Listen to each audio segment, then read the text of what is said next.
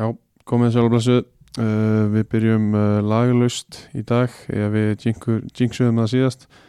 En það er ástriðan sem að sem að helsar ykkur og Sverri Mar heiti ég og með mér er alltaf uh, sá sami. Gilvi Tryggva, blessaður. Blessaður Sverrir, vá, hátti mér það? Nei, nei, bara fínt. Já, ok, blessaður Sverrir. Hvað segir þá? Ég er bara geggjaður, Ekki? mjög ferskur en þú? Jú, ég þokkalegur. Hvildur er ferskur. Þokkalegur, sko. Herra, við erum mynda með ykkur í, í bóði Bóla uh, Sá rauði sem þið, þið þekkið.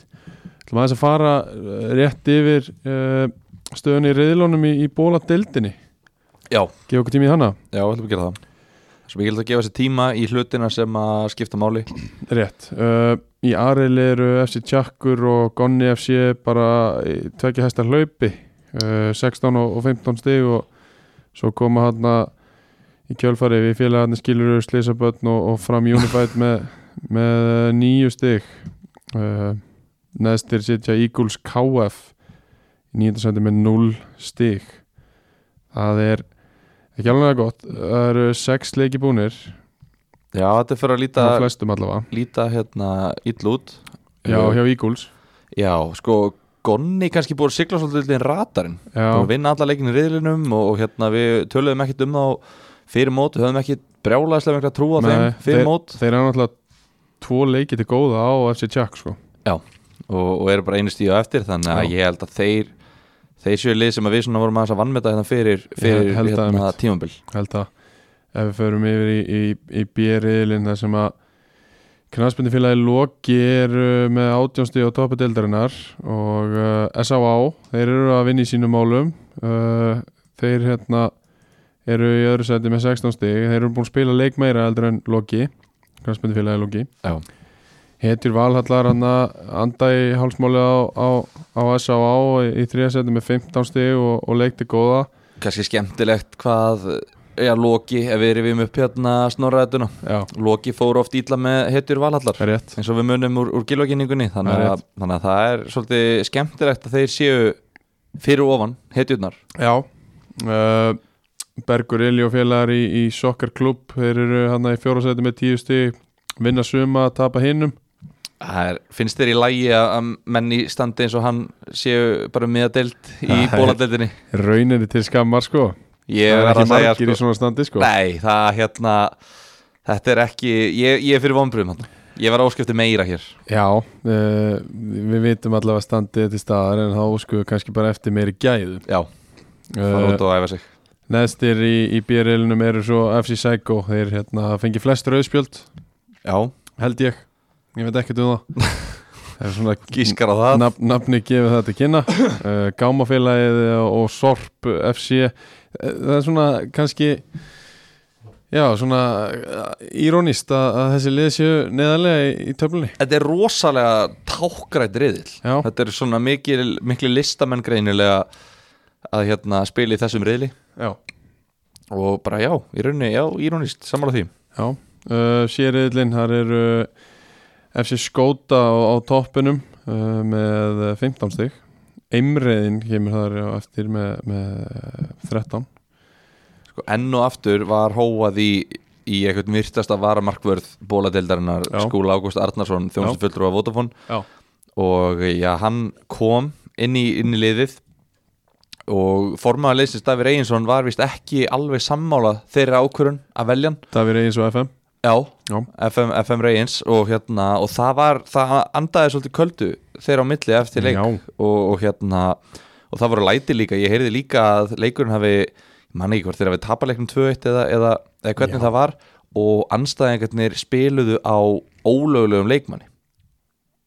Sem sagt of, of hátt skrifuðum leikum Já, hann var búinn að spila leik í, í deild sem að má ekki vera búinn að spila í, ég man ekki hvort það var fyrsta deild. Já, það er lengjadöld eða pepsdöld sem er ólögleg. Þannig að það mætti eitthvað lið þarna í sériðlunum Ég veit ekki hvað það var, hvað lið það var sem að mætti Nei. í sériðlun með leikmann úr efstu tveimu deildunum í, í leikin og, og hel voru ekki sátti með það. Nei. og ég heldur að við kært leikin og, og fengi, fengi 300 sigur. Það lítur að vera.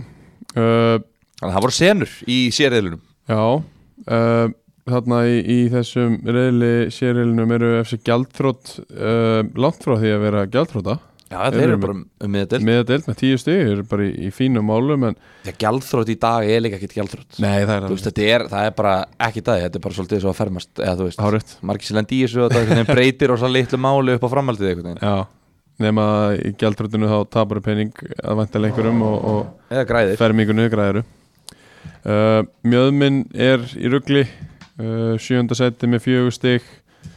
Draumali Magna Fannbergs það var svona, þú veist, þeir eru svona okkar liðdóldið fyrir þetta mót. Já, við, Við- fórum, fórum með, með mikið álit á þessu liði og þeir hafa sínt okkur ekkert nema vonbriði Nei, þetta getur valla verið hér raunverulega Draumali Magna Fannbergs. Nei, það getur ekki verið. Það, Sko, eina sem ég veit er að þegar við mætum loksins uh, eftir Vestlunarhelgi í, í hérna Meet and greet. Meet and greet, Já. kallar þetta. Já, Ég ætla ekki að mæta að leikja á draumalið Magna Fannbergs. Ef, að, ef að við verðum aðna þegar þeir spila þá held ég að ég snúi baki í, í völlin ok. Og snúi mér bara að uh, er þetta ekki á leiknisvelli?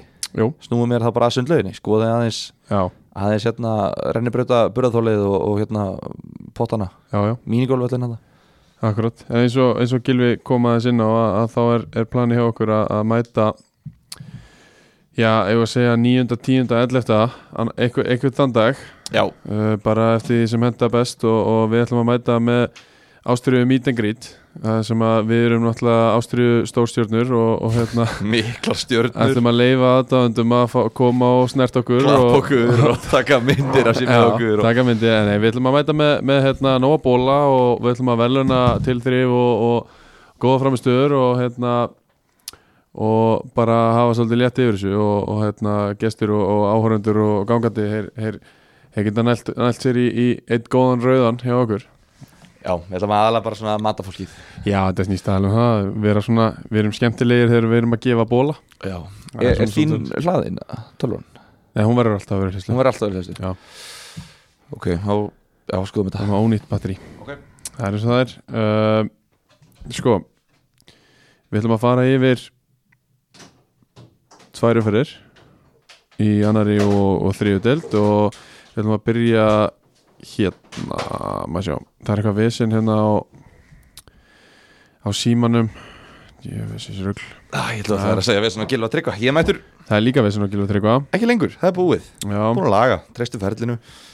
Við treystum ferlinu hér ég get bara ekkert gert hérna Þá bara förum við í þessa aðra deild í bóði æs Nikoti Púða Það er allavega æs, þið þekki ekki lagið en þið þekki bragðið og brauðin og litina og, og, hérna, brandið. Þið þekkja lagið en þið heyra það ekki. Já, já, þeir þekki, það, já, þið þekki Það er bara Það er bara svona.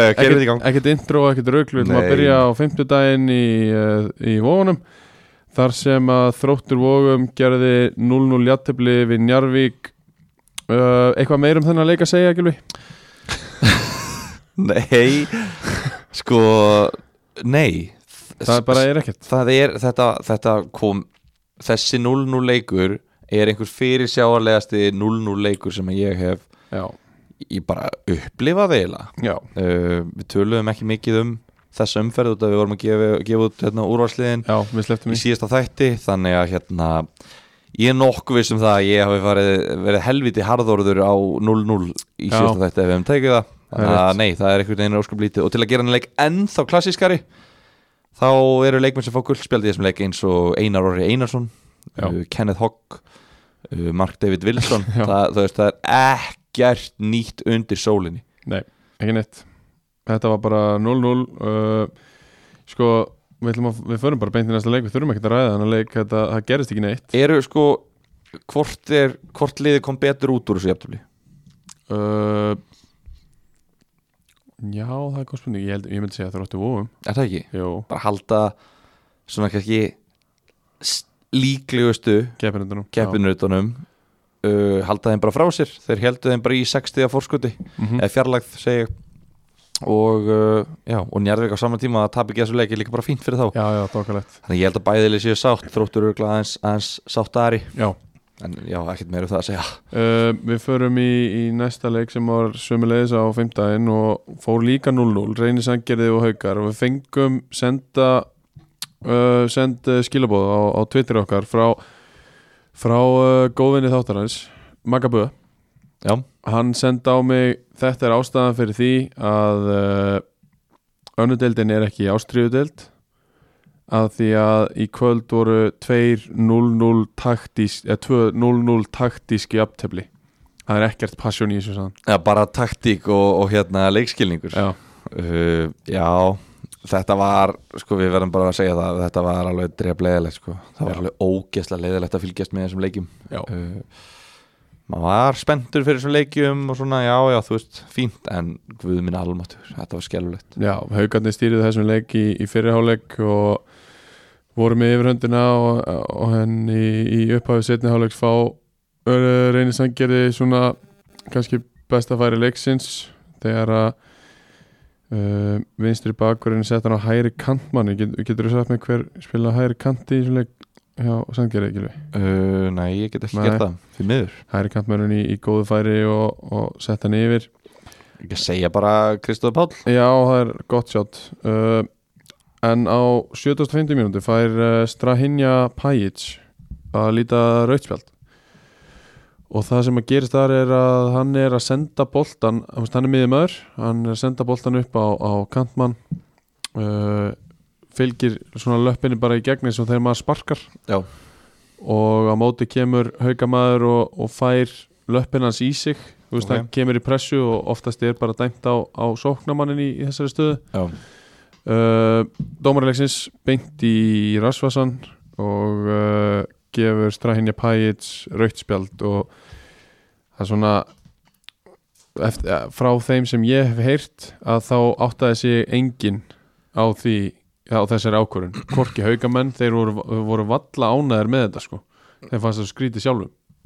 Eða, ertu búin Já. að tala við haugamenn? ég hef heyrt af því já. Ok, ég hérna, sko ég sá þetta persónulega ekki en er þetta ekki bara eins og þarna að spila geta rauðarspjaldi þar sem hann sparkar og, og fylgir á eftir? Og veist, það er engin ásetningur í þessu, við vitum það halveg en þú veist, þú ert samt að stopna öryggi móteri hans í hættu og það er, lí, við erum að þró þú veist, dómara, dómgæslu þú lí, reglurnar, línan er að færast þannig að, að það er bara öryggi leikmanna er nummer 1, 2, 3 en, en þú veist, er ekki sóknarmærin að stopna sjálfum sér svolítið í hættu með að keira svona en hann kemur á sent inn í hann?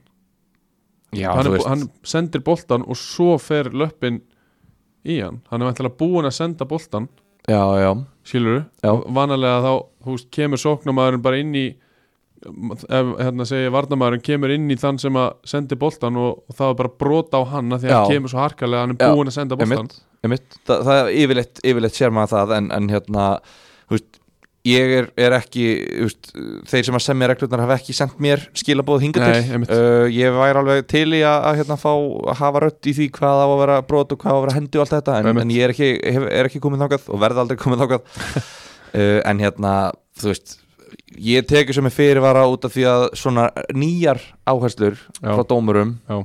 eru rosalega og þá meina ég fáránlega lengi að berast til leikmanna Já, út af því að leikmenn eru bara mjög lengi að læra svona hluti og vilja ekki einu sinni læra svona hluti út af því að fótbolt er svo, svo íhalsum íþrótt allt svona nýtt, tekur bara nokkur ára síðast inn það gerir það alveg stundum já. Þannig að ég er svona, þú veist, já, á þess því að það- séð þetta lýsingin hljómar svona, þetta er svona fullkomið dæmi þar sem að leikmenn eru óanaðir en, en hafa ekki til síns máls en getur vel verið að þetta hafi verið algjörsteipa um, Haraldur Freyr fær raut í kjölfari nei, guld, sorry, í kjölfari og Birki Freyr væntalega líka. Já, og Sindri Lars mjög líklega já á háu já, já, á, á hérna, tempói eftir þetta. Já. Uh, það kom ekki á orða Ási Þóralds fekk uh, guld í fyrirháleik Nei, þetta var svona mjög fyrir sjánulega guðspjöld já, En Eh, þú veist, voru ekki bara, var þetta ekki bara eins og við heldum bara haugarnir svona stýriðu leiknum þannig, heldur boltanum og reynir bara að láta já baka reynir og... komu tölvöld sterkar inn í sendiháleiki sko, og, og mómentin var með þeim þegar þeir fá svo þetta rauða spjald sko. Já, um, en það er náttúrulega það verður erfitt eftir það. Já, en þannig að hér erum við aftur með, með markaður stjórntöfli og aftur eru kannski bæði lið bara ágætlega sátt haugarnir kannski svektari já, en, þú veist, samt í, í sandgerði það er- er ekkert er ekkert rosalega auðvelt alltaf sko. Nei, nei, nei, alls ekki auðvelt að koma í sandgerði, það er, það er erfur heimaðallur en reynir, veist, þeir eru bara á þeir eru bara á ömulegu rönni hvað er Mm. með, veist hvað er þetta, sjöleikir án Sigurs eða ég held að, ég held að sé Já. komin sjöleikir röð án Sigurs og, og hérna þú veist, þeir eru bara, ég held að séu bara ennþá í sama fasa, bara hvert stig er gott stig og ég minna það ég, ég er þetta í svona áttundaskipti í, á tímabölinu, þeir fjarlægðu spotnin með þessu stíi þannig að það er bara flott, flott hjá þeim. Rétt uh, Mærudagaleikurinn í ár fór fram á föstudagskvöldi á Vodafone-leiknum á Nei, Vodafone-vellinum á Húsæk og völararnir þeir eh, störtu mærudöfum sem uh, þó enduðu snemma á minnati á lögati uh, með helviti öflugum sigri 4-0 á, á fjárabið uh, Arna Pálmi kemur með 1-0 á 2050 mínútu og uh, tít nefndur í þessum þætti Sæður Olgesson bætti við á 38. og 2-0 í hálfleik. Uh, Ásgeir Kristjánsson kemur með 3-0 eftir 60 mínútur. Og týndi sonurinn El Elvar Baldvins er komin aftur Já, hann þakkaði trösti, þakka heldur betur trösti kom inn á þetta 13 mínútur mínútur áður, já, skoraði á 750 og, og síðasti naglin í kistunni eins og köllum það. Já uh, rétt eftir að uh, Hákon Þorbergur Jónsson fær sitt annað guðlarspjald og raukt hjá fjárðabið og Elvar uh, setur síðast, uh, reykur síðasta naglan í, í skúfuna, nei, í kistuna, kistuna. Lík kistuna. Ég veit það, það var uh, 750 mínútur 4-0 og, þetta var svona með að við rönnin þá kem, kom þessi leikur mér ekkert óvart. Nei, völarnir á svaka skriði og fjárðabið bara get ekki keft sér eh, sigur. Nei, sko ég er að pæla eins og með fjárðabæk þú veist að, að hérna, hvort að við þú veist, erum við eitthvað að er, er, erum við að gera verð með því að sleppa bara að tala um þá það er, það er búið svolítið svona að teiki sístu tvo, tvo, þætti eða eitthvað. Völsung? Nei, með fjárðabæk, með fjárðabið bara sleppa því að tala um þá út af því að það, við getum ekkert jákvægt sagt. Mm -hmm.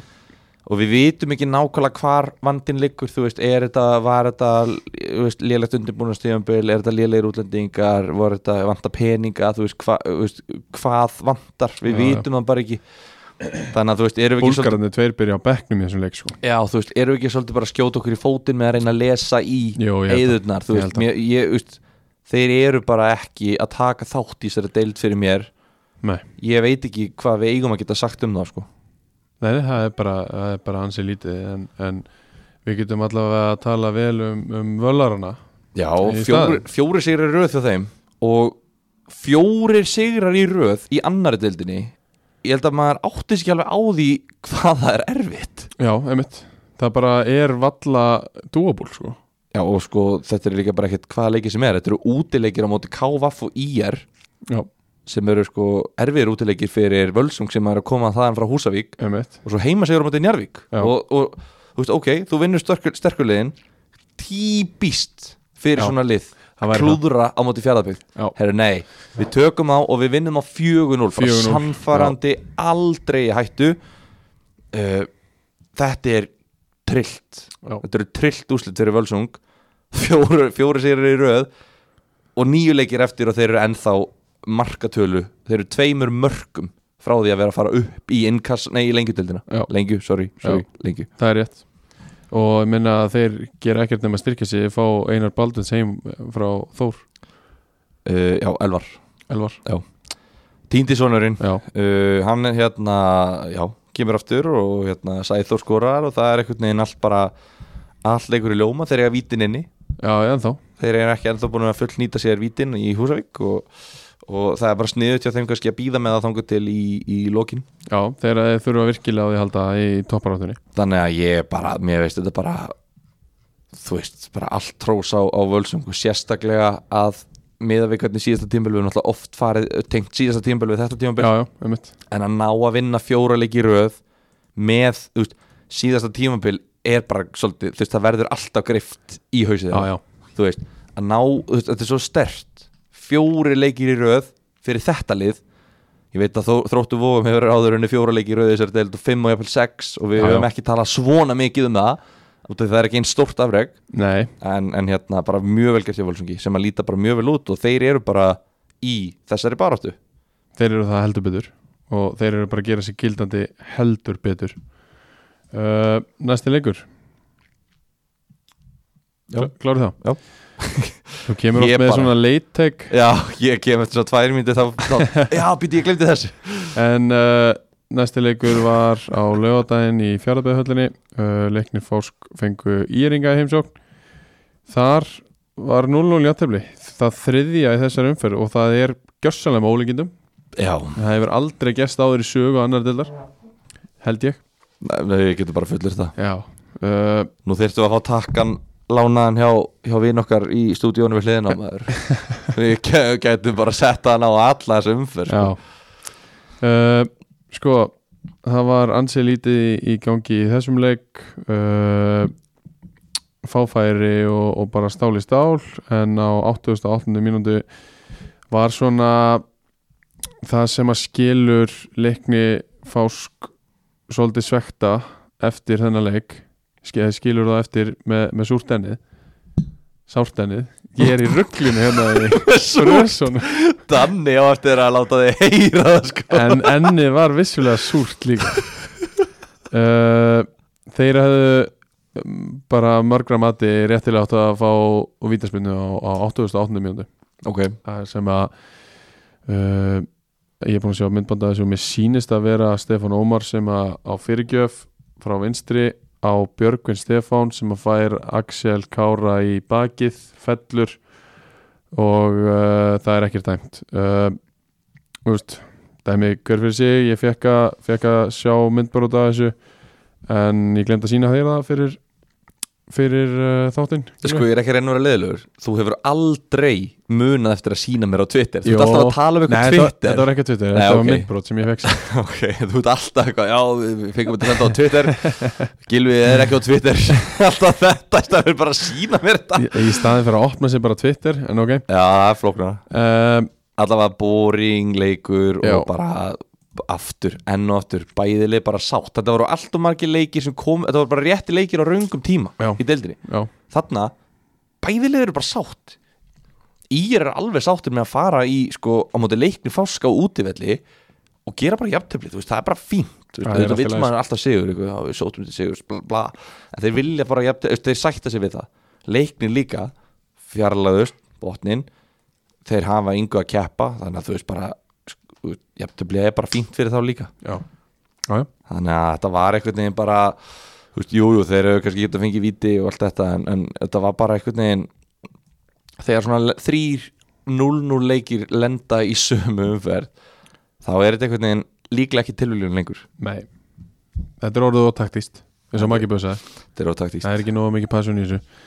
Uh, uh, Við förum á Greinni Víkuvöll þar sem að Magni fengu K.V.A.F. í heimsók og uh, komu flestum á óvart allavega mér tóku þarna helvindi sterkan 3-1 sigur á, á móti K.V.A.F. og það er Tómas Örd sem að skorar á 17. mínúti eftir fastleikadri uh, Guðni Sigurþós skorar eftir skindisókn á 30. annari Njörður minka munin á 40. annari mínútu og það er 2-1 í hálfleik uh, eftir klukkutíma leik fara Jeffrey Monacana og Alejandro Manos, Manuel Munoz Cabella af velli en inn koma ekkert mikið verri menn en því að Angatýr og, og Ímir Már kom inn í staðin og hópurinn er alveg að þéttast hjá, hjá magnamönnum já, heldur betur og það er svo Dominik Vose sem að sem að skorur á 81. mínútu og ég held að þetta sé bara fyrsti leikurinn í, í langan tíma sem að þeir byrja allir. Já, ég ætlaði mitt að koma inn á það að þú gast ekki mætt magna á Grenivík á verri tíma held ég heldur en þarna. Þegar þeir leifa sér að vera með Ímim á og ángantýr á bekknum af því að, að, að liðið er svo sterkt sko. það er náttúrulega sko galið. Já. það er bara, ég ætla bara að segja það það er bara galið. Uh, þeir hljóta að hafa verið bara veikir bara með, eða tæpir eða eitthvað. En, en hérna en já, samt þú veist breytin og, og, ég meina Jakob Hafstæs er líka á bekk og, og, og hérna hefur kannski verið það aðeins hann, sé ekki myndur líka. Við erum alltaf að, að sjúma eitthvað svona sko. Já, en, en hérna, en já, þetta var stertli sem að Magnin teldi fram og þeir eru svona aðeins að spilna sér frá botninum Já. núna í síðustu leikjum. Klálega þannig að það er bara flott, flott fyrir þá að fá þessa útlendinga sem að náttúrulega þeir bundu mikla voni við að myndu styrkja liðið og það sést bara núna, við þarfst bara að horfa á ef við tökum bara leikina með þá og ánu þeirra, þá held ég að tölfræðin verði sláandi hvaða árangur þeir eru að ná sko. það þannig að hérna, þannig að bara flott fyrir þá að fá þá tilbaka og, og hérna, og þeir vinna mjög stertlið í þessari deild Já. með þá, þannig að bara flott hjá þeim og, og hérna, þeir eru núna komnir bara upp í miðjumóð, þeir eru komnir úr þessu þessari næstu í fallbaráttu. Komnir bara upp í miðjumóðið og bara í helviti þægilegan hérna stað. Klárt mál. Uh, Ingól Sigursson bara listjóri í þessum legg fór samt með Norður. Já, það er hart. Það er mjög hart er gert.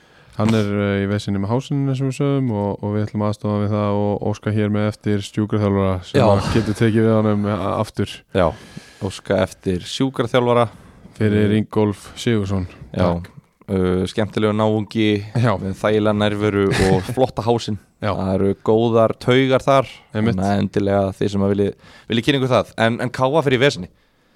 Nú? Nú, þeir eru bara búin að tapa þremur á síðustu fjórum. Eru þið samt í vesinni? Já, ég myndi segja það. Já, ok. Sko, tapa á móti þessum, þessum veist, það er alveg leikir þar sem að þeir hafa bara lífað í rauninni á, á líginni sko, þú veist, Já, já. Að, að hérna, þeir hafa svona þetta hefur dottið með þeim og núna er þetta detta ekki með þeim. Já, getum orðað það þannig líka uh, veist, það er óhöpilegt að mæta Magna akkurat þegar þeir geta telt besta liðinu sinu og meðan önnurlið hafa fengið gefinsleiki á móti Magna. Uh, en á móti kemur að veist, þeir skora eitthvað grín mark á móti leikni til dæmis sigumarki þar, já, já. sami hérna marki það, þú veist, þú veist, jú, jú, ok. En þeir eru búin að tapa núna, ég meina, tapa á móti Völsungi tapa á móti Magna, þú veist, þessi lið sem eru bara svona í, já, reyndar ekki alveg kannski í kringum þá ekki, ekki Magna allavega. En ég, mér finnst áhugju, áhugjuefni að ná að spila einhverja tíu leiki án þess að tapa, og tapa svo þremur í síðustu fjórum. Já, já, það er alveg rétt. En veist, ég myndi aldrei segja að nýliðar í deildinni sem hafa ekki tapað í tíu leikjum og tapað svo þremur í fjórum sé ykkur vesinni ef þeir eru einustíði frá toppsæti sko. Nei, Nei, nei, frá, frá uh, promotion. Nei, ekki, kannski þeir eru búin að gera svo vel Já, í að komast ángað en, en þetta hlýtur að vera svona menn hljóta að þetta, getur svo auðveldlega rugglað í þeim andlega já, getur gert það. Menn En- gleyma ekkert að spila fótbolta. Nei, nei, en andlega getur þetta svona pítu vó, ok, það er svo auðvelt að fara inn í já, við erum nýlegar og þetta var alltaf að fara að jafnast út og hérna, eitthvað svona já, en menn hljóta samt að hafa gert ráð fyrir einhvers konar svona uh, downswing. 100% og ég efast ekki um að venni hafi hamraða í þá eftir Nei. 6 leiki, 7 leiki, 8 leiki að við erum að fara að tapa leiki sumar sko, við erum ekkert að fara unbeaten í gegnum heilt sumar í annaðu deildinni. En hvernig þeir eru að díla við það er ekkert stórkvæslegt sko. Nei, og næsti leikur, KF Njarðvík. Já, þú veist ég sé ekki sigur þar þannig að þá er þetta komið kannski í fjóri leikir af fimm. Já. Og það er bara, veist, út af því þeir voru farnir að láta sig dreyma. Þeir voru komið, snjóboltinn var orðin svo stór. Og svo svona klæsir hann á eitthvað, hvað klæsir snjóbolt á? Stein, Já, vegg eða eitthvað. Vegg, það var veggur í fjallinu þarna sem að snjóboltinn rakst aðeins í. Já, minna svona hérna vartangarður Vardargarður snjóboltinn fór á Vardargarð En við, við, við vitum samt alveg hvað það getur gert mikið að tengja saman nokkra sigra sem að ég reikna með að KVF muni svo gera í kjölfarið já, á einhverju já. og þau veist þeir verða bara að horfa í það ég meina, ok, fuck it töp, töpum nokkur leikjum áfram gakk við möttur að vinna okkar leiki á móti. Ég held allavega að talandi um að núna mætti Magna á erfiðum Já, ég held að þessi leikur við Njarðvík komi líka á umulum tímapunkti. Já ég held það líka. Þannig Það eru að- tvö lið komin upp fyrir Njarvík og það er ekki vond að mæta þeim núna. Nei, þannig ég hef áhugur ekki gott. Nei, ekki gott, já. Þannig að ég hef áhugur því að liði sem að var búið að ná öllu með sér með skemmtilegum fótbolta, skemmtilegum Já. úrslutum, skemmtilegri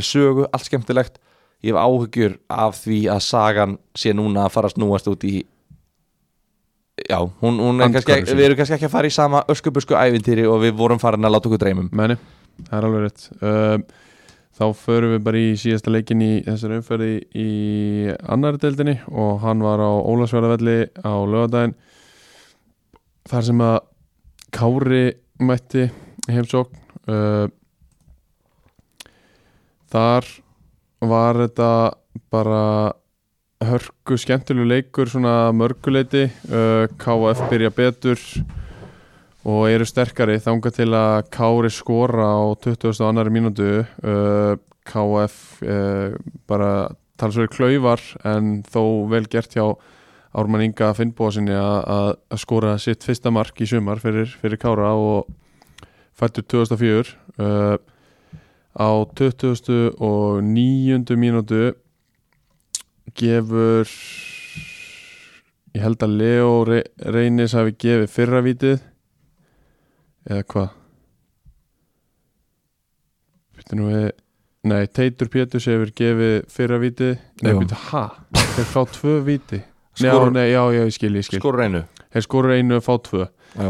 Já, uh, Leo Reynis gaf allavega annað vítið Ómar Díuk skorar úr, úr víti á 29. mínútu. Uh, Teitur Péturs gefur svo hitt vítið uh, sem að Seychem Wilson þriði klúrar úr uh, Ági Sölvason skorar svo fyrir KF á 60. annar mínútu og þeir taka þannig sigurinn En býta, af hverju tekur ekki sami gæi bæði vitin? frábær spurning Það hjá hljóta að fengja þér. vitið áður en hann er jöfnuð Já, ég uh, reikna með því Ef Ómar skorar og staðan er 1-1 og það teitur Péturs fyrir út á 60 og staðan er 1-1 og heyrðu, Sejam vill þú ekki bara taka þetta? Það væri galið, þetta hlýtur að vera öfugt. En allavega, þeir, þeir fá tvö viti skorur einu og, og Sölva uh, skora marki sem að skilur af. En við- Þeir sko Já, Ómar Díuk fær fyrravítið og skorur úr því og svo fá þeir aftur vítið sem Seychem fekk að taka en skauti stönginu út af. Sem er galið Það er ótrúlega skrítið. Það er bara- tekur Ómar þetta bara líka og, og þeir eru 2-1 Já, einmitt. Það er mjög skrítið. Þetta er bara fáránlegt ef þetta var þannig sko. ég, En ég, vá, var, já. varnaleikurinn hjá, hjá uh, öðru að botliðunum ekki upp á marga fiska hana fyrir norðan? Nei. Þú veist Nei, nei. En, Uh, en þú sér samt, við sjáum það veist, allavega í þessar umferð öðruvísi heldur en hjá fjárðabiða, það er allavega líf í kárumönnum, það er allavega fætingur og það er allavega að vera að gefa liðum leik. Já Já, já, þú veist, það, það munar helviti miklu á, á markatöðurinn kannski helsti munurinn er að Kári eru færir um að skora já, í flestum leikjum. Já, uh, það er rauninni bara já, þú veist, ég meina þetta er sko leikur þannig séð og bara KF, þú veist, þeir kannski sterkar aðilinn og allt þetta en, en þeir náðu ekki að komast yfir fyrir ná 60 stannari það er alltaf óþægilegt að mæta svona lélögu liði og ná ekki að komast yfir sérstaklega að lenda undir. En, en jú, jú, þú veist, við getum alveg gefið káramönu það, að þeir eru aðeins minna lélegir heldur en fjárðabygð, en þetta er samt 60-13 leikjum, þetta er bara ekki það er ekki mikið en ég eh, veist, ég veit það fyrir víst það er, það er líf, það, þeir, þeir eru alveg færir um að vinna leiki miða við þau úslit sem við sjáum. Veist, það lítur út fyrir það að fjárðabið séu bara ekki að fara að vinna annan leik. Já, það lítur út fyrir það. En káramenn er allavega inn í þessu. Já, og sko ég er einhvern veginn svona farin að mýkjast helviti mikið gagvart uh, Kára því að þeir eru að spila á svo ótrúlega ungu liði veist, þeir er eru búin að hérna- gera það allt tímabili Já, þess vegna er ég kannski að mýkjast út af því ég er kannski bara áttum á Já. þetta eru sex gæjar í byrjunarliðinu og uh, fjóri gæjar á bekknum sem eru í öðrum flokki Já. hjá Ía Já. og Ía er bara, þeir eru bara miðlungslið í öðrum flokki, þeir eru náttúrulega hafa verið stórveldi í öðrum flokki í síðustu ár Já. núna eru þeir bara miðlungslið þar uh, fyrir þá þessa ungu stráka fá þessa leiki annar til kalla, þú veist, þeir eru að mæta bara Ómar Díuk, þeir eru að Mhm. mæta Ingo Sig, þeir eru að mæta hérna, Sigga Bond, þeir eru að mæta bara fullt af, fullt af hérna, geggjum Algjörlega. Kenneth Hogg og, og allir sig gæðir algjörlega uh, að fá að spreita sig á móti þeim, það er án þess að þetta endi allt 10-0 já, já, það er alveg Já, já. mjög gott í sjálfu sér sko. en Já. fyrir þá andlega er þetta náttúrulega erfitt að vinna tvo leiki, nei, eitt leiki af 13 en þetta móta samt líka karaktera já, einmitt, og ef það er einhver sem að ég kannski treysti svona almennt til þess að verða karakter það verða skagamenn. Maður veit náttúrulega ekki hvert heimurinn er að fara það er 2021 og menn eru bara með eyrnalokka núna að hlusta á þetta.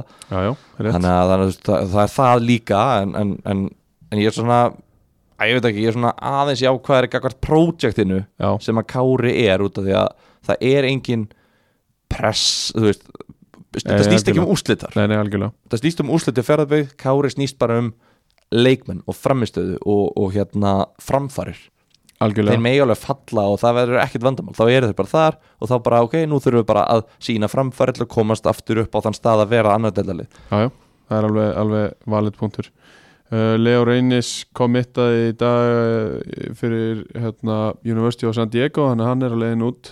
Ok, í sólina þar. Hann er að leiðin í Úff. sóluna uh, og sko hann er bara góðs gengis þar en uh, Káramenn þurfa að leysa það. Einhvern veginn, hann er búin að spila alla leiki í hafsendunum Uh, já, hann var datt eitthvað út úr liðinu, ég man ekki hver kom inn fyrir hann en, minnir að hann hafi ekki gert það. En allavega, þú veist, þá bara, þá bara leysa er það. Hann er búin að spila 13 leiki í annar deild. Já, ég held að hann hafi verið ekki byrjunlegin í einu með tömur en, Ok. en hérna en allavega þá kemur bara eh, næstu ungi maðurinn. Já, já, það er, þú veist þá bara gerist það. Já, já. Það er ekki svo þeir hafa verið að halda hreinu hinga til þú veist, þá að vera eitthvað að klína því á le og einan. Nei, nei. En, en hérna en bara það, það, it is what it is. Það er bara þannig. Uh, þá er uh, yfirferðinni í, í þessari umferð lokið og uh, við ætlum að fara í æs leikmann umferðarinnar. Og uh, leikmann umferðarinnar í, í 13. umferð í bóði æs Nikotipúða í bóði Habaneur og Sunset. Það er uh, völsungsliðið það er na, Nú slökka allir eða ekki? Jú, jú, eðlilega, þú veist en, en hérna, eins og við vorum að tala með hann þú veist, menn eru með eyrnalokka í dag. Já, já, það er 2021 já, og, og, og maður ársins er ekki lengur maður, Nei. einstaklingur. Nei. maður ársins er núna samtökin já, gegn hérna, þú veist einhverju. bara hérna virðingu gagvart, þú veist, einhver skilur við, þú veist. Þannig að, þannig að þetta eru bara breytti tímar og við ætlum svolítið að vera hlaðvarpið líka sem að svona, tekur þátt í þessu. Já, tekið þátt í tíðarandanum. Já, þannig að það var engin einstaklingur sem skaraði fram úr. Nei, Þetta var bara, hérna, það var uh, liðseild sem að einkendi þessa umferð já, Það þarf sterka liðseild til að gera 0-0 Já, já. jafntefli. Já, já.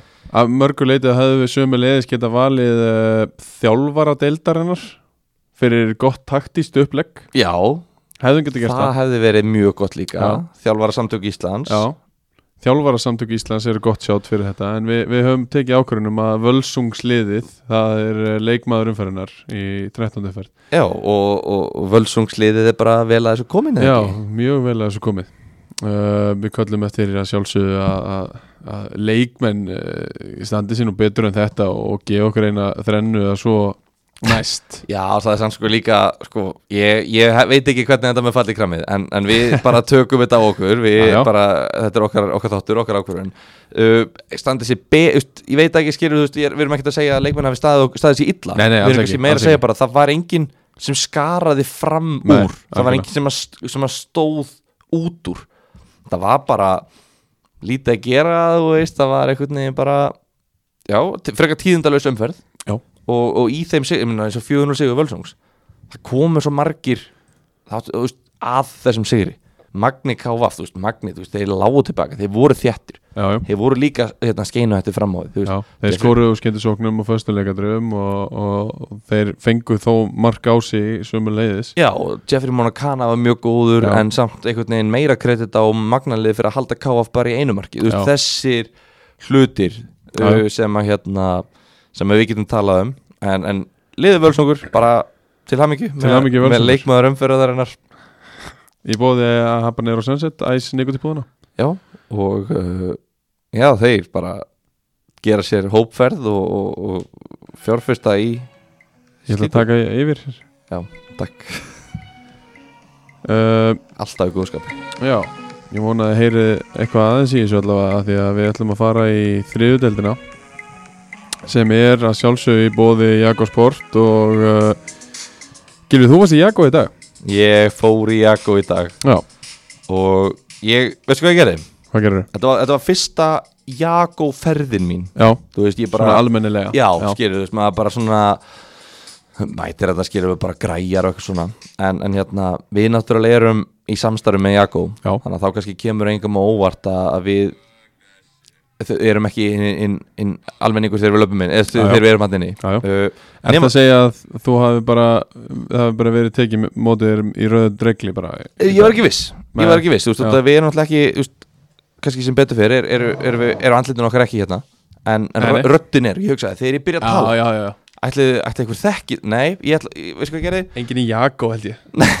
Hei, sko ég hérna fór og ég bara ákvað að fara í dulagerfi og ég mætti þarna og sagði engum frá að ég væri í podcastinu. Ég hugsaði bara ég ætla að testa hans þjónustinu og ég er mjög mikill áhuga með hann góða þjónustu. Já.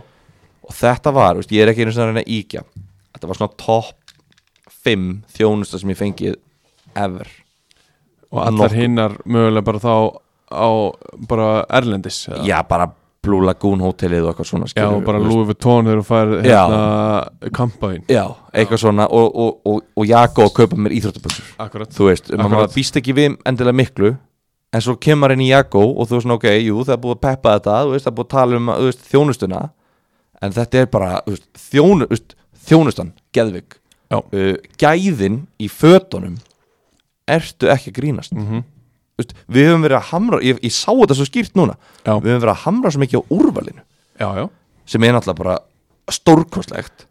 En- Ég er búin að tala lengi fyrir því sko. Já, en gæðin í fötunum Buksunar Peysan, Öndirarmorinn Nárabuks, þetta, þetta er Geðvikt já, já, og þú fóst bara út með allan katalógin í dag. Ég gerði það. Ég gerði það, ég, við það er engin lígi Ég gerði það. Hvað fóst í þrjár peysur Þrjár peysur, tvær buksur uh, Öndirarmor, nárabuksur uh, Vettlinga já. og já, já. Og það ætla að er, láta Óskarsmára áriðan fyrir mig. Hvernig ætlar að gera það? Með penna? Já, já, gýtum permanent. E, voru Jakob að bjóða upp á svoleiðis það? Hvað? Hvítan permanent, permanent Jakob? Nei, því miður. Nei, ok, En það sko- En ef Jakko vill auka hérna sölu þá náttúrulega fá þeir Óskarsmára til þess að áriða fötin. Já, bara Óskarsmára verður okkur innan handar. Já. hann situr í, í hérna stól og hann mun áriða föt að Ég- eigin vali. Auglýsum uh, þann tíma nánar síðar. Já, en uh, þá getum við fært okkur yfir í leikina. Uh, við komum aðeins inn á ásaki, við komum aðeins inn á fyrsta leikin uh, í síðasta hætti þar sem að honum var nýlokið á síðastlegin uh, miðvikudag. Uh, Sindri fengu þá hött hugin í heimsók og höttur híin tóku sigur í þeim leik með uh, einu marki gegn engu sem er sett hérna í skýslu 40 pluss 3 sjálfsmark hjá Abdul Bangura. Já þetta var þrifokkurinn og svo kemur á 40.50 mínútu Óli Stefán Flómundsson guldspjald þetta er rosalega skrítið þetta Já. er uh, ég, við viljum hafa þetta, hafa þetta skýrara hérna fyrir okkur. En þetta við lítur að geta sagt því sjálft að hann skora á 40.8 í fyrirháleik Já, mjög líklegt. Uh, þar fór þessi leikur 1-0 og uh, höttur huginn þeir koma á óvart í hverju umferðinni. Þeir fara þarna á höfn í þar sem að ekki margir fara og taka sigur og sigla heim 1-0 sigri. Já, þeir gera það. Og þeir eru rosalega mikið að vinna með það bara að sigla þeim. Já, þeir eru það. Sindri var hann búið að spila búin að spila sex heimalíki röð á hans að tapa. Já. og, og hérna og voru Já, orðnir Já, voru orðnir þetta svona heimaleikja víi sem að Já, þeir já. voru eða, eða fimmleiki þarna þessum tíma reyndar. Uh, en, en já, veist, það, það er einmitt spurning. Þú segir að höttur að við komum öllum óvart. Þú veist, hversu lengi þurfa þær að vinna alla leiki nema á móti okkar liðum Já, til þess að halda áfram að koma okkur óvart? Já, ég meina, veist ég var nú svona kannski aðeins að grípa þína umræðu, þú hefur aldrei neina trú á þeim. Að segja að þeir hafa komið okkur óvart, ég er búin að tala fyrir því að þeir geti, geti bara tekið þetta allt tímabilið eftir að þeir fóru á stað. Já, þú reyndar, þú reyndar gerði það uh, við ekki það ég hérna ætlaði að færa það niður í fyrsta áttunda uh, svo varstu svona max 5. 7. Já, já, ég, ég áttaði með á því að áttunda væri helviti harkalegt þannig ég fór upp í fymta og núna ertu áttað á því að 4. nei 5. 7. er helviti harkalegt eða ekki Jú, núna, Já, núna og staðin er núna eftir 14 leiki það var náttúrulega ekki 14 leiki búnir þegar það voru tveir ég búnir það, en hérna núna já, fjóraða fymta er, er ansi ólíklegt já, verði ég að segja og ætti, ætti náttúrulega að vera ómögulegt uh, en hérna já, við, við, ég kem kannski með mitt teik bara á þess að topparóttu aðeins setna ok en höttur huginn mega eiga það að nú eru þeir búin að vinna þrjáleikiröð Já. og þeir eru bara búin að vinna þeir eru búin að vinna tíu leikja 14 Já. Þú veist, ef þú skoða bara deildina það er ekki mörglið sem að, eða bara ekkert lið sem er nála því að vera búið að vinna jafn marga leiki. Nei. næsta lið er búið að vinna sjö leiki. Já, KFG og allir. Þannig að þú veist, það er erfitt að vinna leiki í þessari deild og það bara telur svo miklu meira. Þrjú stegi er svo miklu meira heldur en eitt steg Gerir það sko. Þannig að hérna, svo við notum bara alveg steiktustu frasa hérna í sögunni. Já, uh, en, en þetta er bara virkilega vel gert og þeir eru bara góðir varnarlega líka, þú veist, þeir eru ekkert að leka neinu mörgum 1-0, 2-0 sigrar, þetta er bara nóg fyrir hött hugin við, við myndum aldrei sjá þetta í, í KFG eða Elliða Nei. eða Augnablík Nei. þannig að, hérna, þannig að þeir eru að gera sitt bara hrikalega vel og ég hef sagt það líka áður að ég hef bara mikla trú á þessum þjálfara, ég, ég trú á öllu sem er í gangi hérna, ég bara held ég væri ekki tilbúinir að taka þetta skref núna.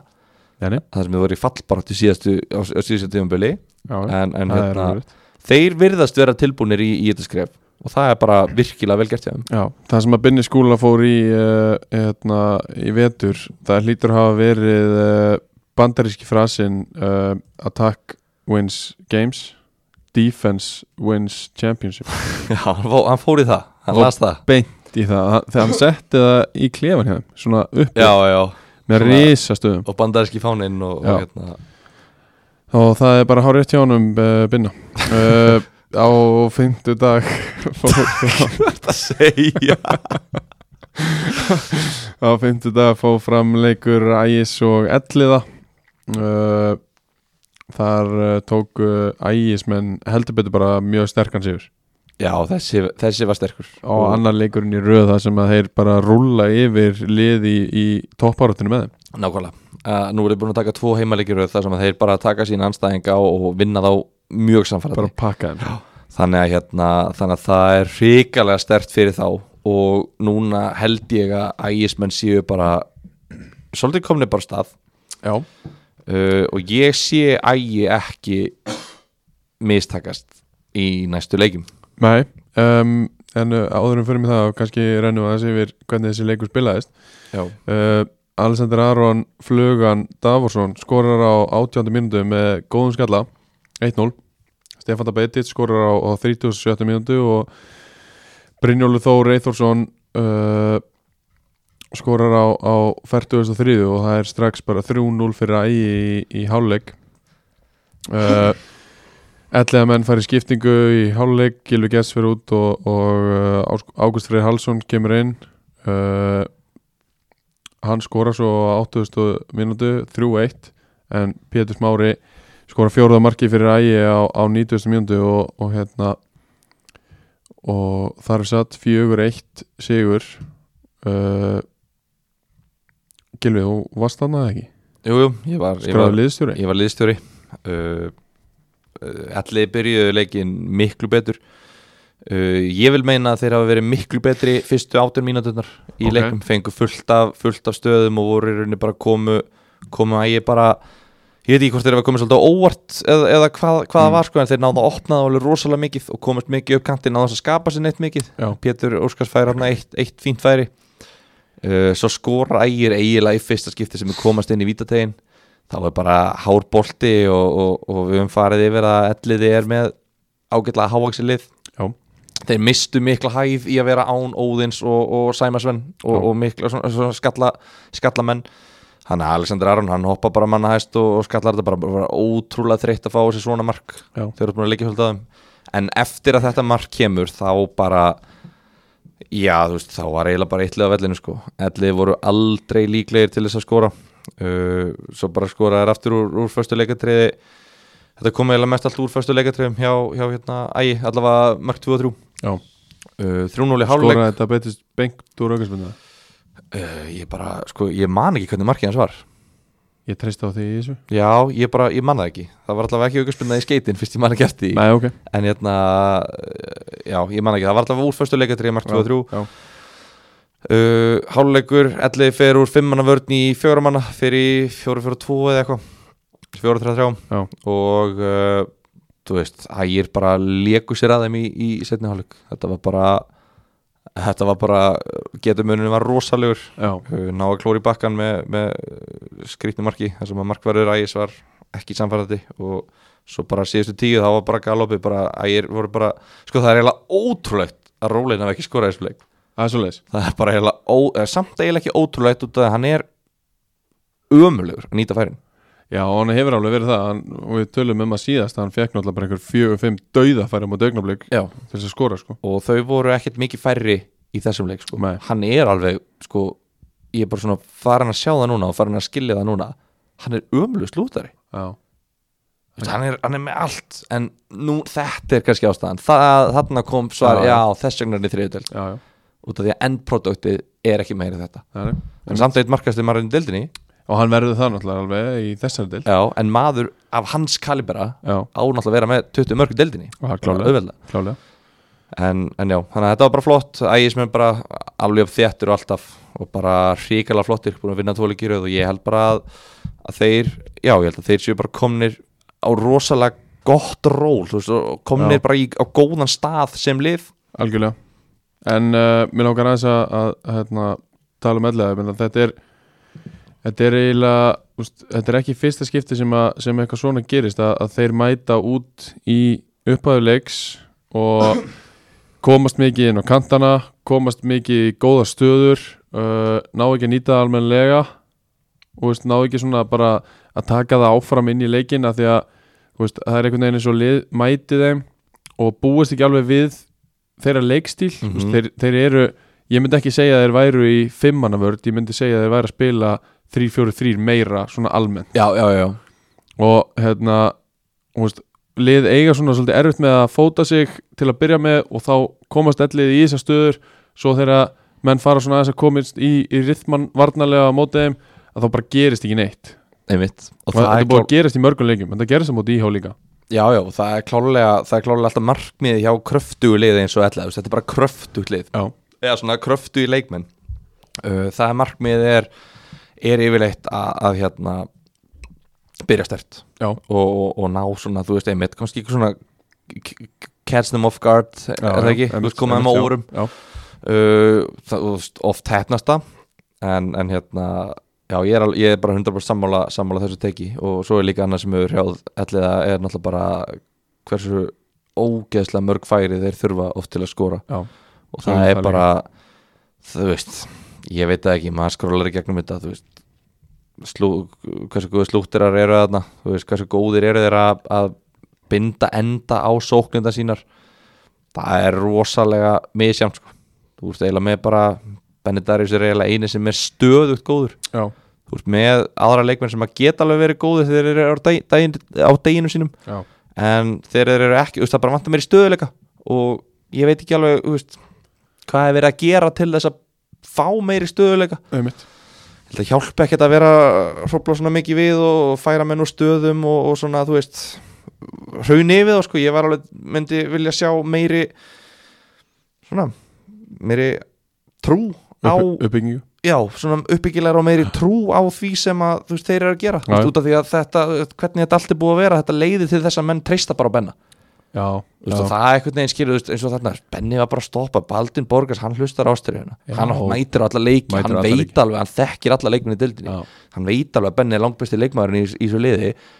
Stoppum hann, veist, og, og, veist, og það er líka svolítið vandamál að elliði get ekki leist það, já, einmitt, þannig að, ég kalli eftir því að, að það sé svona setja hans meiri trú á þessa leikmenn og, og, og hérna, og þeir hafi líka meiri trú á sjálfum sér að bara, hei, ok, ég er að byrja hérna inn á, ég er að byrja frammi mér skýt saman þú veist eitthvað benni í hólunni eða frammi með mér, veist, ég er að fara að skora. Já, einmitt. Mér er alveg sama hvað einhver gilvi í podcastinu eða Elmar þjálfari eða Aron vinstribakurur sagði á æfingu gæðir já, ég bara er að fara að sko þannig að, já, svo er þetta. en uh, kannski aðeins inn á uh, leikmannmarkaðin uh, Ísak Owusu Afriye uh, eða Pablo eins og hann er kallaður hann skipti frá ægi yfir í fjárðabíði dag.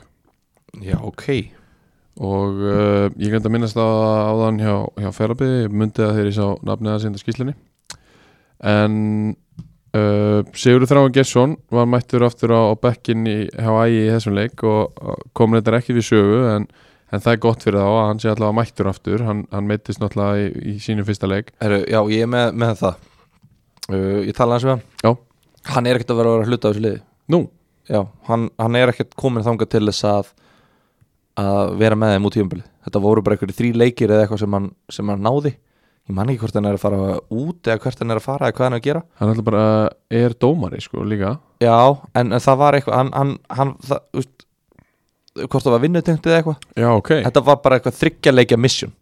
Já þú meinar. Þetta var bara, hei, getur bjarga okkur í þrjá leiki? Og hann bara, já, var til í það og, og fekk vænan siðil fyrir það, já, já, ger ég ráð fyrir já, eins og bara allir leikmenn, allir, allir hérna Davos og, og, og allir leikmenn sem ég er, er að kaupa núna er að fá bara, bara fín, fínan hérna, tekka fyrir það og þannig að hann, þetta var held ég síðasti eða næst síðasti leikur, ég held að þetta var síðasti leikurinn sem hann var available í. Já ok. Og hann var bara meittur á þetta bekknum og hann, bara, hann átti bara að koma inn á ef það er þyrtan þurftu er hann ekkert, þannig að hann kom ekkert inn á. Ok. Þannig að hann verður ekkert með þeim í, í sumar sko. en uh, kannski annað af leikmannamarkaðunum með ægi er uh, það sem settum inn á, á Twitter uh, um helgina að uh, Alexander Veigar uh, fyrir um leikmaður Grindavíkur væri á, á leið til, til Þólasafnar uh, það var það var alveg byggt á einhverju. Já, en uh, svo fekk ég bæði símringingu og skilabóð frá, frá Baldunni Má um um að það væri nú valla komið á neittn veg.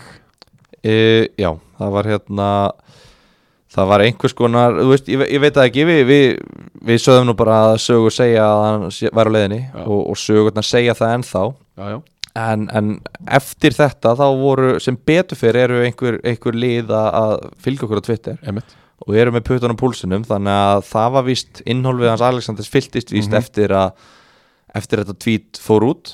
Og Algjörlega. nú er bara verið að berjast um leikmannin já, já, og þá er bara spurning hvað leið býður best og, og hérna ekki það að ægir ekki séns í það.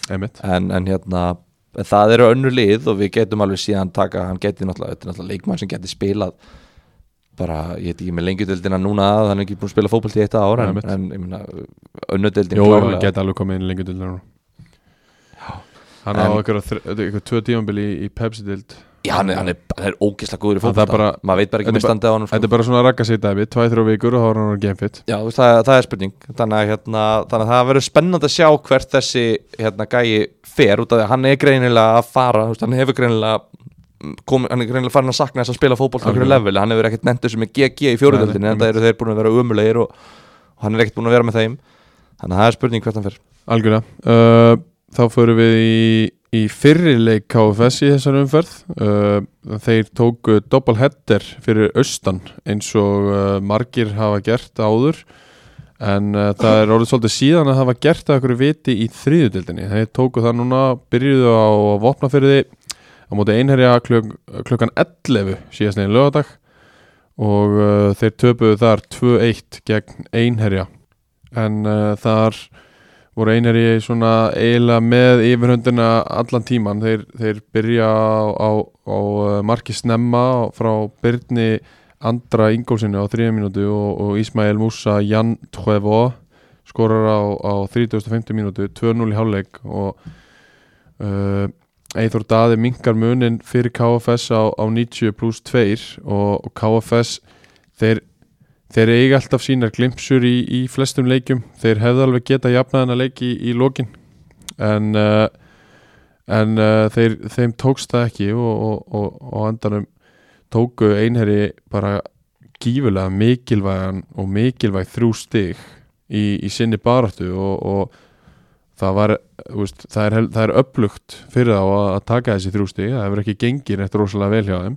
Nei, En- gengið skjálfilega og, og þeir taka nýjan, nýjan þjálfara láta, eins og við höfum fjallaðum, við láta Já. Helga fara og, Já. og hérna og það er hægt að segja eftir þess að tvo leiki, náttúrulega maður er margóft séð þetta að það kemur nýr þjálfara þá kemur ykkur auka kraftur inn í liði já, en, en það er líka bara vel gert þá að ná þessum auka krafti einmitt. Og þeir eru núna búin að vera í KFG og, og hérna algjörlega inn í þeim leik komist Já. yfir þar og, og svo núna vinna þeir KFS 2-1 og eru bara sterkari aðilinn. Þannig að þetta er, þetta er frábær sigur fyrir einara þetta er frábær sigur fyrir deildina líka. Veist, við er við töluðum, útlitið hjá einara við erum búin að fjalla um að þetta er búið að vera skelvilegt fyrir þá, bara aðstæður. Uh, núna, þeir eru ennþá bara það að þeir séu ennþá í baráttunni. Já. mér finnst það bara í rauninni vel gert út af fyrir sig. Já og líka bara það að eitt sigur getur gefið eins og mikið neista og það er ekkert langt upp veist, það er bara eitt stig í IH í tíundasæti og það eru þrjú stig í KFS í níundasæti þetta er bara að verða einhver fjagra liða barða og, og þeir ætla bara að taka almennilega þátt þeir ætla ekki að láta skilja sig eftir hana. Nei, sem er náttúrulega bara virkilega öflugt að veist, þeir, þeir koma saman fyrir leik og, og það er vantilega bara að tala um það að núna verðum við bara að taka sigur og það er bara gert. Já, það er mjög öflugt. Algjörlega. Og þeir eiga, þú veist þeir náttúrulega, allir þeirra sigrar hafi komið á heimaðalli uh, og, og ég held að þeir muni ekkit vinna neitt útileik á tímabilinu. Þeir eiga ja, til dæmis íhá eftir á heimalli Já, þeir eiga, ég ætlaði að telja það upp þeir eiga, þú veist, þeir eiga íhá í, íhá, íhá. Þeir eiga sindra, þeir eiga víði. Já. síðasti leikurinn er einar í víðir þú veist, þetta Já. eru þrjú lið sem að bara, þeir geta hæglega að fengi nýju stig í þessum leikjum. Það geta það mögulega já. Og, og hérna, og það gæti talið helviti mikið. Svo eiga hött hugin líka í næsta leik á heimaldi þannig að þeir, eiga, og augnablik líka, þeir eiga fimm, fimm augnablik hafa- hefur gengið illa í ferðalögunum. Þannig að tækifærin fyrir að, veist, bara það að þeir séu Asians, mér finnst það bara, það er það besta. bara frábært sko. Uh, næsti leikur annað, Óskars Dargis er komin í markið. Það er aftur hver. Það er ekki nema vona að þú munir ekki eftir honum, hann hefur ekki spilað fyrir einherja síðan 2018 hann spilaði þriðudeldinni 2016, 17, 18 já, það er rétt. Og síðan ekki söguna meir.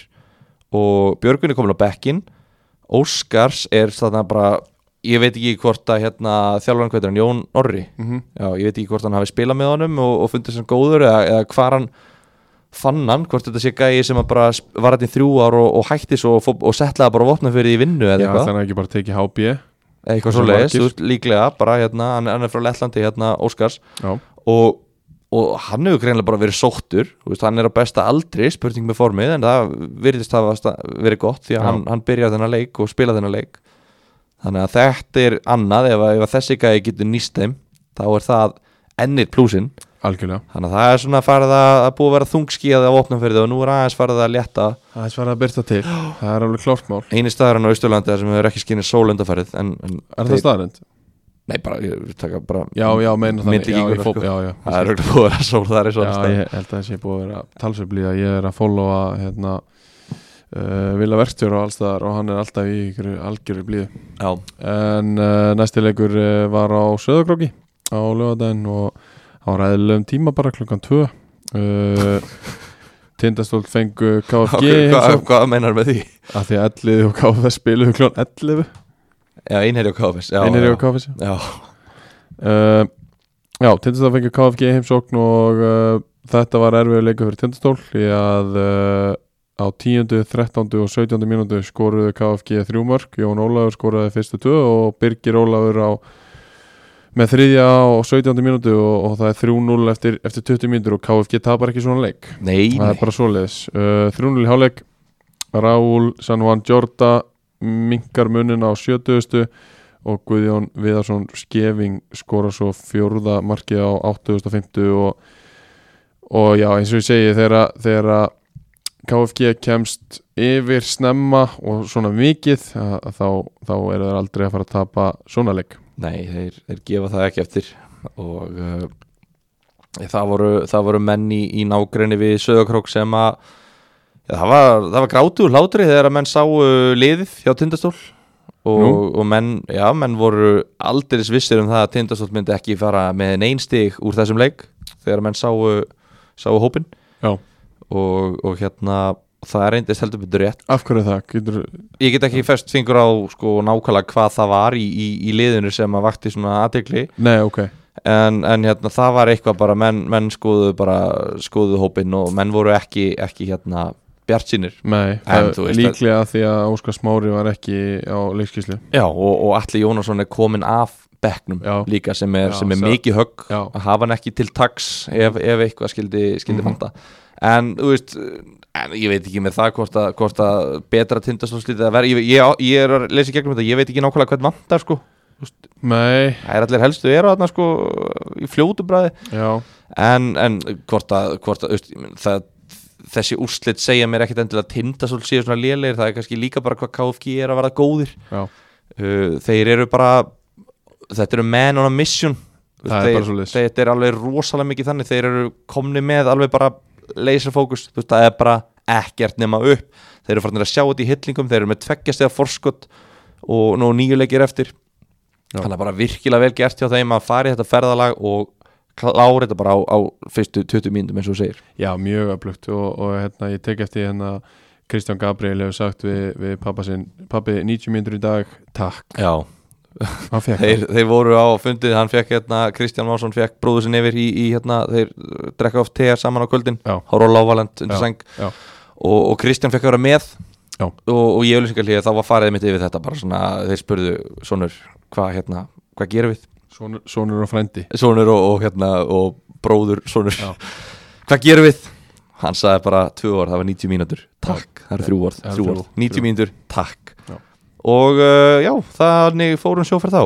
Já, það, þetta var bara virkilega blöðu sigur og þetta skilur veist, bara umferð eftir umferð þá, þá verður þetta bara svartar og svartar á söðakröki Já, þeir eru komin með þrjá tableiki röð sem að þeir þurftu heldur betur ekki á að Nei. halda. Og hérna og, og svo, svo magnað því þeir eru nýbúnar að vera miklu betra á móti KFG Já, það er bara kannski þrjár fjóra viku síðan.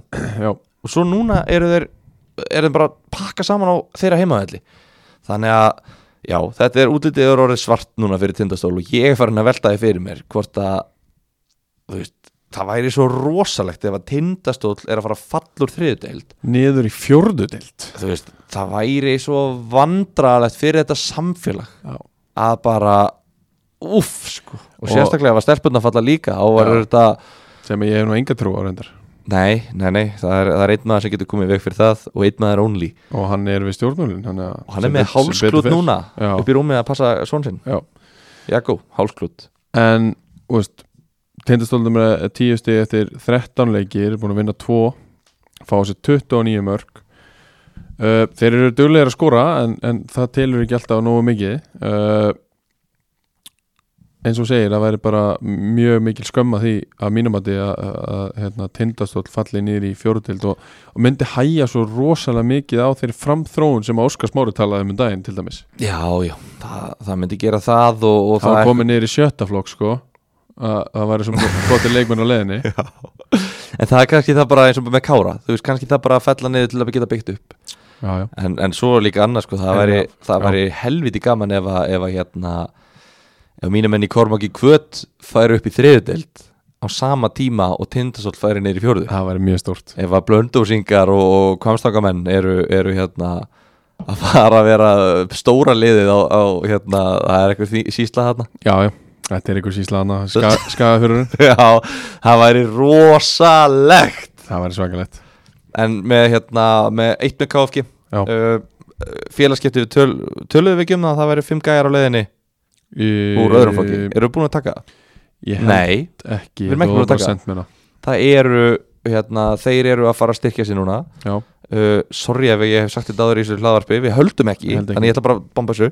Þeir eru að fara að sækja núna leikminn úr, úr hérna, öðrum flokki sjörnunar stjörnunar sem eru besta lið landsins í öðrum flokki þannig að þeir eru ekkert að þeir eru ekkert að fara í hvað sem er. En eru þeir að fara að sækja bestu gæðina þar nei, just, nei, nei Eggert Aron og Óli Valur eru náttúrulega bara að spila ég, er, ég er ekki að tala um með meistraflokki ég er ekki að tala um þá, eru þeir að spila líka með öðrum fólki?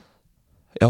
já, ok, þeir spila eitthvað bara ein- eins og, eins og þeir geta það er náttúrulega bara Já, að vera að stýra á lægin og allt þetta. En, en fyrir utan þá já, þá já, það er verið Ok. að sækja bestu leikmennina. Ok. Uh, eða, eða marga þeirra. Þau- bara Dar- gæjar sem koma beint úr eigu púrus yfir skólanum sko. Já, já, og hérna Veiga Páll, Já. skólinn og, og Raki Trausta skólinn og bara allir, þetta eru mjög margi skóla sem þessi að fara loga, í þessi loga Já, já, þetta eru margi skóla sem þarf að fara í gegnum í Garabænum og, og hver öðrum betri. Uh, Darri, Már og Örvarlogi eru komnir. Ok, uh, og, og þeir eru, eru styrku ég sé, sé Örvar spila aðeins ég, ég minna sé af Darra Örvar rosalega kraftmikill gæi sem getur spila vinstri bakvörð og, hafs, nei, og strækir. Ok já, skemmtilegt hérna kombo. Þetta er endar, þetta er eitthvað kombo. Er hann örfættur eða? Já, já, Já, ok, sko þegar ég var í, í þriðaflokki þá spilaði Alexander Már Þorláks vinstri bakvörð og var samt markaðastur þetta er, þetta er eitthvað svona kombo. Já, klálega. En hérna, veist, þetta er bara gæi sem er bara búin að vera að æfa veist, stjörnu meistaraflokks Mhm, level skilur, mhm. þú veist, hann er bara, veist, bara hann er í rosalega góðu formi hann er þvílíku kraftur í honum. Þetta er að fara að blómstra í þriðutildin já, svo er spurning hvort þessi að fara að sækja sækja fleiri, það, ég veit ekki veit ekki nákvæmlega hvernig staðan er á því þú veist að einhver meðsli í, í, í liði stjörnunar og svona, þú veist upp á meistaraflokki þetta eru gæði sem eru bankutinnar í meistaraflokki en, en, en þetta eru þrýr, aðri gæjar sem að ég veit að KFG vill náttúrulega fá og það Eðlilega. væri rosalegt ef að þeir myndu fá þessa fimm gæja, held ég. Ég held þeir myndu styrkja þessa deild og þetta liður rosalega mikið. Já eina sem ég verið að pæli er að ef að koma þarna fimm strákar sem að væntalega hafa þá með sér einhvers konar tilmæli um, um mínútur væntalega ég reikna með því. Ég held nefnilega ekki út af því að þeir eru ennþá í öðrum flokki. Annar flokkur er stjarnan KFG Held Já. ég, alveg. Ég ætla að double checka á því ég stjarnar KFG Áltanis eða ekki? Jú, er það ekki? ég held að Ég held það.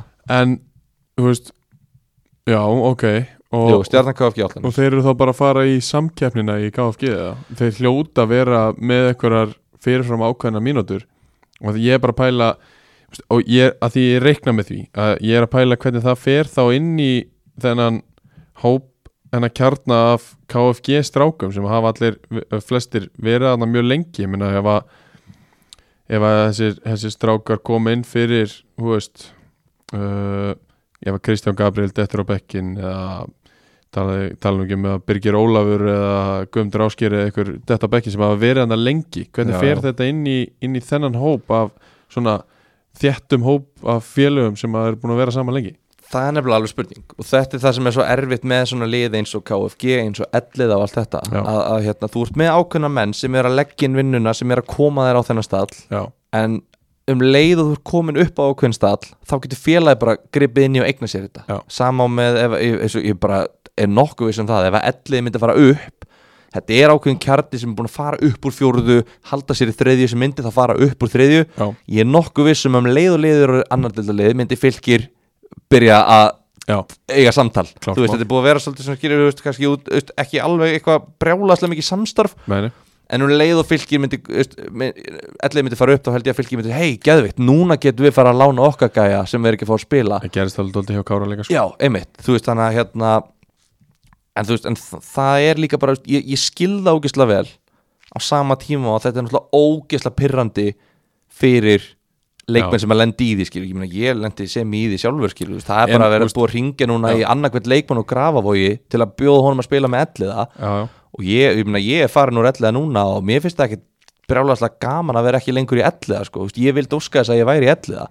En það bara þú veist, var ekki hann þannig að gætir alveg mist félagsmenn á þessu 100% getur alveg gert 100% þetta er mjög þunn lína. Mjög og svo. þú þarft að nálgast þetta rosalega vel. Ég veit ekki hvað er rétta, rétta leiðin til að gera það. Nei, nei, en, en hérna, vonandi bara getur KFG hérna, náða að gera þetta rétt. Og ég veit að þeir eru ekki að taka þess að fimm leikmenn til þess að bomba um beintinu byrjanlið það verður svona, þú veist, þeir að nota kannski tvo í þessum leik og þrjá eða skilur þau þannig. Já, og hérna þannig að þú veist það verður dreift álæginu og ef þeir spila ekki með KFG þá bara spila með öðruflokki í Já. topp, þú veist þeir eru í topp baráttu þar. Þannig að veist, það er ekki svo að sé að missa af neinu ef þeir spila ekki með KFG nei, nei.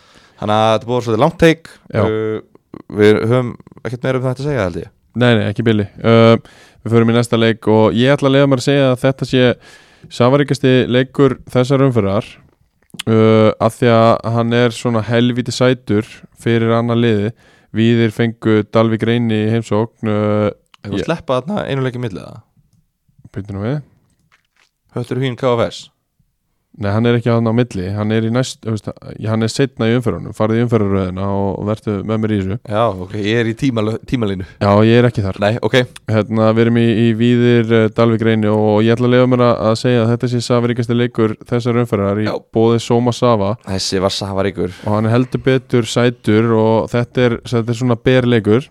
Já, og, og þetta er þetta er alveg doldi af og leikur því að þetta er alveg svona svolítið boost leikur svona svolítið smúði leikur Já þetta, heyrðu, þetta er skemmtilegt teik já, Þetta er afóleikur út að þetta er ákveðið búst. Já, ég, ég hef ekki pælt í því að við getum tengt þetta inn í fótboltumræð sko, Nei, út, af nei. því að, út af því að þeir eru með allar þess að, allar þess að þetta, drikki, Já, safa, sómasafana já, og avó er eini svona smoothie Já, eða bústi, einmitt, skilur einmitt, við, þannig þykkari Já. hitt er allt svona meiri safart, svona djúsar. Já, Herru, vel, vel gert. Já, takk. Ég elska svona. Takk fyrir það Ég var búin að hugsa þetta í 8 sekundur uh,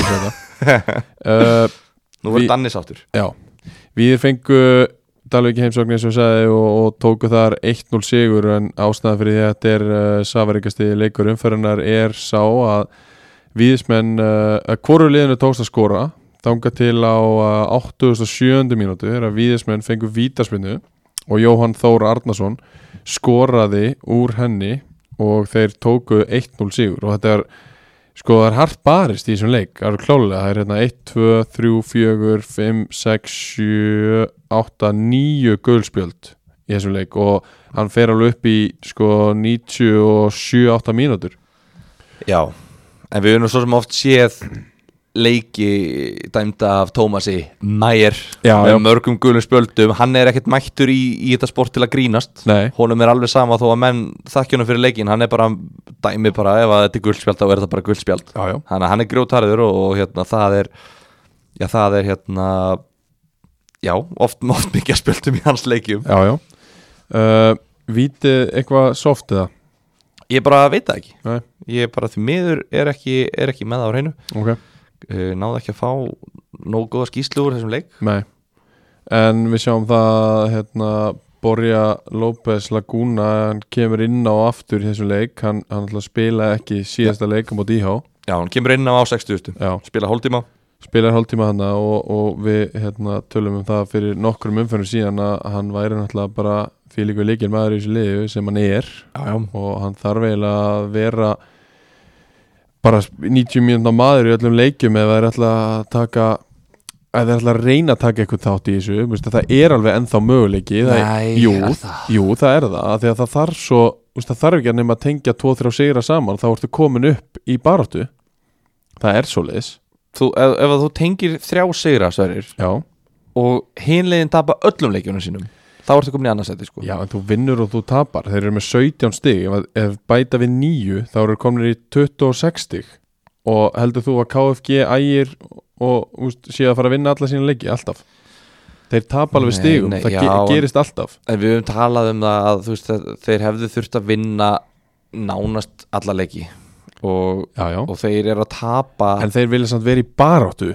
Þú veist, þú verður að- hafa einhverja líflínu. Já, þú veist meni, jú, jú, þeir eiga reyndar alveg bara djókprogram framöndan þannig að þú veist, þeir eiga fjóra leiki á móti neðri liðunum og svo fjóra leiki á móti efri liðunum. Já, þannig að þeir eiga, ég meina Sindri Tindastóll Einherji KFS, það eru næstu eða, djókprogram, nei, nei, ekki djókprogram en bara þeir eiga li- liðin í neðri hlutunum já, fjóra leikir sem að þú veist þeir eiga að vinna en Víði var einn af þessum veist, þeir verða að vinna Víði á það. þeir verða bara að vinna þennan leik. Já. jafntefli er ekki einu sinni gott og þeir tapa leiknum í lokin. Ég er bara sko ég er smá reyður út af því að þeir voru búin að vera svo flottir þrjá leiki í röð hrikalega flottir svo prumpa þeir í sig í garði. Þú veist, af öllum stöðum sem þú getur prumpað í þig að þú gera það í garði, ég bara, ég næs ekki. En ég ætla nú ekki að fara að tala illa um, um þetta víðislið sem, sem að vann þennan leik því að mér finnst þeir bara svona þreysvísunum öflugur heldur en þeir koma inn í þetta tímabil. Já, já. Þeir, Stefán Birgir spila sínar fyrstu 90 mínútur í, í meirin ár. Uh, Alli Freyr Aliu Djalo er komin inn aftur á fullu Hamed er komin aftur inn. Uh, Sasha Uriel Litvin sem er spánveri sem er bættu við sig núna. Og mér finnst sko Milan Tasic var, voru þeir ekki að bæta honum við hérna líka? Hann- hann var- inn á í lokin bara. hann var að koma aftur. Það var hérna hvort þetta er ekki Serbi sem að spilaði með þeim 2018 2017 2016 já, kom fyrst í KF í aðrallinu já þetta er, ég man eftir þessum leikmanni hann er mjög öflugur já, og hann, þeir eru að bæta honum við hann líka og sko þeir eru núna með uh, ég veit á þetta að skjóta minni yfir, þeir eru með 16 stig. Ekki, ekki, ekki byrja, please. Býtu, oh. þú þart bara momentum. Þú þart bara smá momentum. Já, og þú þarft líka að vera ekki 58 stigum á eftir liðunum. Það er ekki svona mikið víst eru 58 stigum milli þeirra. nei, víst. Nei, það er ekki hægt. Það hefur ek ekkert lið fengið 58 stig. Ég er harður á því það annarkvort að þessum liðum Víðir eða Dalvík. Fyrir upp. Nei, nei, ég ert eitthvað klikkaður. Get ekki verið harður á því. En ég get verið harður á því að annarkvort að þessum liða það mun mögulega tengja saman nokkra sigra koma sér inn í þessa baráttu og þá eru bara allir vegi færir þetta er er ekkit svona ömulega lið. Þeir, Nei, voru, nei. þeir voru bara ömulegir á tímabili. Já, þeir byrjuðu tímabili ömulega bæðilið sko. Já, en svo vakna menn bara. Já, já. víðismenn, þeir vöknuðu bara upp frá vondu draumi, styrtu liði þeir eru bara með gott lið í dag sko. Núna þetta, þetta lið sem þeir eru að tefla fram er bara mjög gott. En þetta eru menn samt á móti sem eru þú veist, ekki, þú veist, þetta eru margir nýja leikmenn. Núna fyrir, eða, eða nokkrir nýja leikmenn kannski frekar fyrir hérna fyrir þennan leik og mér finnst bara ég set, þrýr í byrjunleginu og einn á bekknum. Já, ég set bara þær kröfur á Dalvíkur liði sem að ég er búin að vera að fylgjast með spila sístu þrjáleiki já, ég set bara þá kröfu á að þeir geti mætt, í, mætt þessu liði sem er ekki búið að hérna, ná að, að spila mikið saman meni. og ekki tapa þeim leik. En ok, þeir gera það. Veist, mér finnst það léleitt á Dalvik en ég vil samt á móti ekki taka það af víði, veist, Nei, nei, ég ég er ekki að segja að víðisliði sé umulegt ég er bara að segja, mér finnst þetta léleitt á Dalvik samanskapið málur hósa þú veist, þetta er bara, þeir, eins og þú segir menn bara styrkja sig, veist, þeir bara þeir hefðu alveg geta verið svo aumingjar og gefist upp og bara, jæja. Og Dalvik líka er, mér finnst bæðileg, þau eru, á- sam, samanstæði deildinni eiginlega. Já, finnst ég geta sagt um veist, þau, þau byrja ömulega og það hefði alveg verið hægt að bara vera eins og aumingjar og, og klára deildina ömulega þetta bara skiptir ekki máli hvað sem er. En ok, það er verið að leggja sér fram við að styrkja liðið. Uh, Víðismenn sérstaklega búin að styrkja sig. Dalvik kannski bara aðeins fartin að spila betur. En uh, og Víði spila betur í kjölfæri síðan Já. og hafa styrt sig. Þannig að veist, jú, jú, bara flott hjá Víði. Uh, En ég meina Víðir í rauninni bara dóminir en að leik sko. Dalvíkumenn fá lengur færi og, og, og Víðir fá fjögur, fimm bara virkilega góð færi og, veist, og dóminir að leikin bæði með og á móti erfiðu vindi sem var á sundaginn já, og það var bara, veist, hrein og bein einstefna í þessum leik og það er upplugt á móti Dalvíkulið sem er á svona momentum rönni þannig. 100% en, en það kannski líka sýnir bara þú veist, að þú getur, þeir voru komni með það momentum og svo bara, Já, já. svo bara deyr það bara einhvers staðar þú veist, þetta er bara, þetta er bara eitthvað og, og víðir ef við skoðum prógrami af víði það er IH hljóma vel, Já, KFG hljómar illa. Ægir hljómar illa, Höttur Hugin hljómar illa. Sindri hljómar vel, Elli njeh. en pældu samt í því ef við ná að fylgja eftir þessum sigri og taka bara íhá ægi hött hugin hvað ætlar að segja þá? Já, já, ef þeir gera það þá er ég bara stórkostlega að miskilja fótbolta, sko. þá þarf ég bara að hætta í þessu hlaðvarpi, þá þarf ég bara að játa mig sigraðan, þá skal ég bara skila hérna tölfunni og, og hérna, slopnum og, kortinu, nafnspjöldinu stimpla mig hérna út og segja ég veit ekkert um fótbolta. En af hverju getur þeir ekki? þetta er bara ekki einn stert lið. Þeir eru ekki með sama sömu gæði, jú, þú veist, þeir eru búin að styrkja sig. Ekki af stert lið og höttur hugin sem þú ert búin að tala niður allt tíðanbili ég er kannski meira að horfa í, í KFG og ægi í næstu, næstu tveimur en þú veist, jú, höttur hugin á eigilstöðum það er kannski bara þú veist ég er ekkert búin að segja að víðir séu góðir sko, þó ég sé kannski búin að vera að setja spurningamerki við hött en, en þú veist, Þú veist, ægir eru búin að gera 5 játtöfli og tapa tveimur leikjum í 13 já, þeir eru núna komin með momentum í sitt. Þannig að KFG eru núna komin með momentum í sitt, veist, þessi bæðilið eru búin að vinna tvo Já, já, eitthvað sem að Og- Dalvík og reynir eru og sig. og víðir ekki, og styrkja sig. Já, og styrkja sig, eitthvað sem að Dalvík og Víðir eru ekki búin að gera að vinna, vinna tvoleikir röð núna í síðustu tömur Já, já, ég, en þú veist, ekki miskilum ég er ekkert að segja ég halda að þetta gerist en ég er bara að segja að þetta getur alveg veist, þetta getur alveg gerst. Já, já, þú veist, auðvitað getur allt gerst Er labba hérna inn í podcast og segja bara þetta gerist, þetta gerist, ég, gerum við, þú veist, það getur allt gerst. En þú ert handvið sem að þetta geti ekki gerst? Nei, nei, þetta getur alveg gerst. Já, ok, En ég er bara að segja, þú veist, að þetta er veist, Ég basically segja að þetta getur gerst en þetta er samt aldrei að fara að gerst ok. Þú veist, En ef eitthvað leik gerir þetta þá það líklega Dalvík út að þeir eiga hérna Sindri, Tindastóll, Einherji og. KFS í næstu fjórum. Þannig að ef, það, ef eitthvað leik ætlar að búa til momentum þá er það Dalvík á meðan hinni mennir eru að koma tilbaka eins og hérna Borja eins og hérna Aron heitir hann það ekki? Hafsendin uh, sem er, er hérna búin að vera tæpur en er hrikalega öflugur. Og þá eru þau komni bara með momentum Algjörlega. með liðið tilbaka og síðustu fjóri er bara bang, þú veist, hörkuleikir.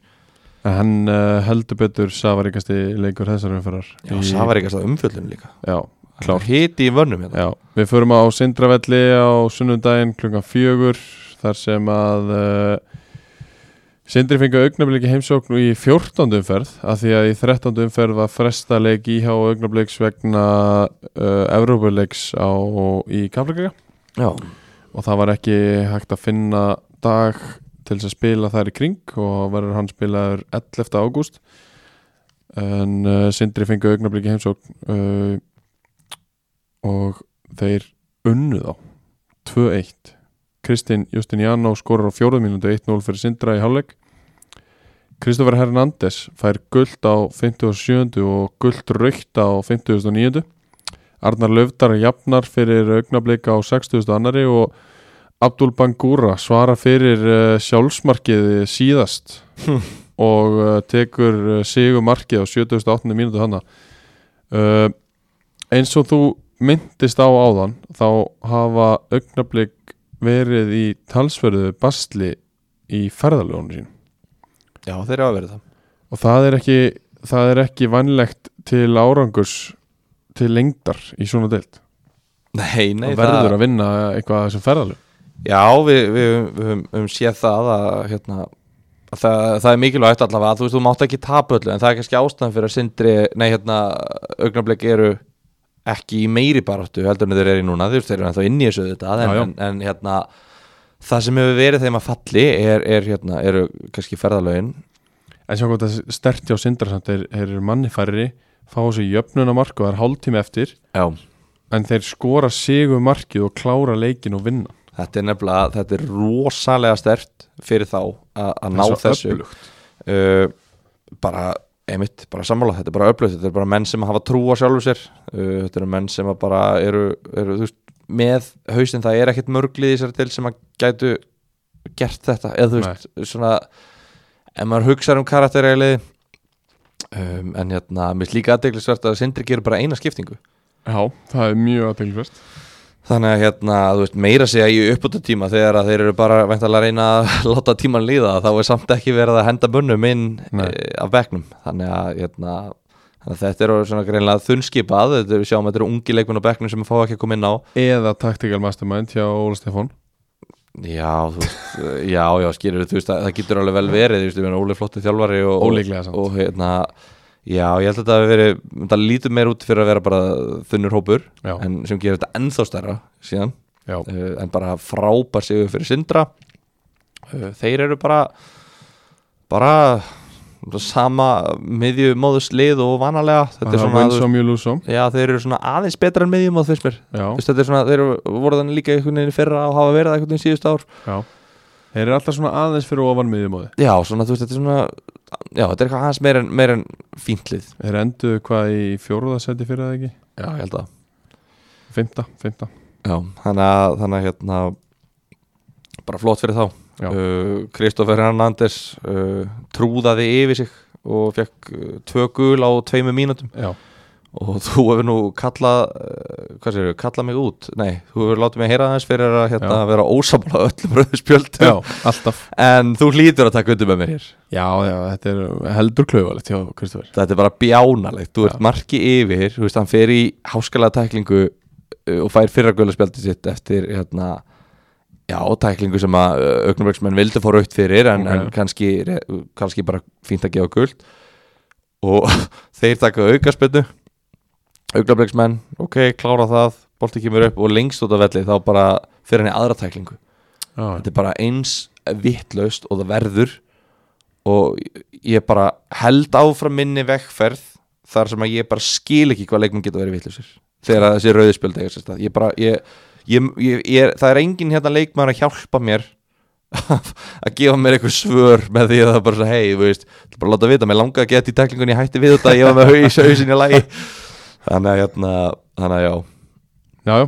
Um, Þá fyrir við í setni leik KFS Ættu ekki að tala um augnablikur búin að tapa þrejum leikjum í röð. Viltu tala um það? Ég e, Já, bara, já, ég vil tala um það. Ok, ég vil tala um það út af því að þeir voru 6-3-1 sem er vel sexy Já, og nú voru þeir 6-3-4 sem er ekkert sexy þeir tapa fyrir Dalvík úti 3-1 Þeir tapa fyrir Ægi heima 3-0 Og þeir tapa fyrir Sindra úti 2-1 ég meina KFG er búið að taka 6 stig á augnabliki síðustu þremur leikjum og. Ægir eru búin að taka 7 stig á augnabliki síðustu Já. þú veist, þeir eru bara búin að taka 6-7 stig og bara, pjú, bara farin Já. þannig að maður er svona veltað fyrir sér uh, er þetta það sem að allir eru búin að vera að tala um er þetta enn eitt árið þar sem að við sjáum augnablik koma með gott lið, góða leikmenn góða liðseild, búin að æfa vel en þeir bara tjóka þegar að áreinir Já, það lítur bara rosalega mikið út fyrir það. Ég held að þetta yrði ekki árið veist, ég, held að þetta yrði árið sem að það myndi ekki gerast. Það fylgir svolítið þessum liðum. Já, ég held það að þetta væri árið sem að það myndi ekki gerast því að þeir eru búin að bæta við sig reynslu meiri mönnum sem að er að taka miklu meiri þátt. Og ég held að það myndi veist, gera útslæðið í ár af því að þeir höfðu það ekki fyrra. En svo veriðist ekki vera miður. Nei, æ, þetta er bara svona maður verður einhvern veginn fyrst mér að, að, að, að tala um þetta út að maður er búin að vera að velta þessu fyrir sér fyrir tímambil og maður er búin að vera að velta þessu fyrir sér þegar þeir hyggsta Já, svo eru þau bara að sína manni þeir eru búin að taka mjög sterka sigra á þessu já. karakter sigra bara Já, er missa niður fórustur en ná að kreista fram og lenda undir og ná að kreista á fram því byggi ég mínu skoðun að ég held að þetta yrði ekki árið. Já, og svo kemur og þú Já, árið sem þetta myndi ekki nákvæmlega og ég var eiginlega farin að vera sammálaði Já, og svo koma þríleikir í röð þar sem þú tapar. Þú getur ekki eins og gert nei, og maður bara svona þú veist, vá maður þú veist, er þetta í ég, ég, mér, langar ekki, mér langar ekki að þetta sé að gerast. Nei. En er þetta í alvörun að gerast að þeir eru í alvörunni að tjóka og klúðra þessu fyrir sjálfum sér enn eina ferðina, ég bara ó, það er svo, svo leiðilegt einhvern veginn, Já, saman Sammála. að Gummulssoni, já, því miður. En þá getum við farið í setnileik KFS í þessar umferð sem að uh, var á sunnudaginn. Uh, fyrirleikurinn auðvitað á lögadeginum á einherja sem er töpuðu og setnileikurinn á, á sunnudaginn á, á móti hætti hugin þeir tóku hann að austurlandið í, í einni ferð og uh, ekki var það betra á, á, á lögadeginum uh, þó ekki nema 1-0 undir í hálfleik Kristofur Einarsson skora fyrsta marki á 22. mínútu og, og uh, aftur já, ég saði það nú ekki á hann en, en aftur nýta KFS allar sína skiptingar, eðlilega það er mikið að leikjum og tvei leikir hann á tveimur dögum en já, Hafstein Gísli komin á bekkin og Ásker Eliasson komin á bekkin og maður svona sig hefur bara verið rótering. Víðir Gunnars komin á bekkin dagur einast 0-4 í markinu. Já.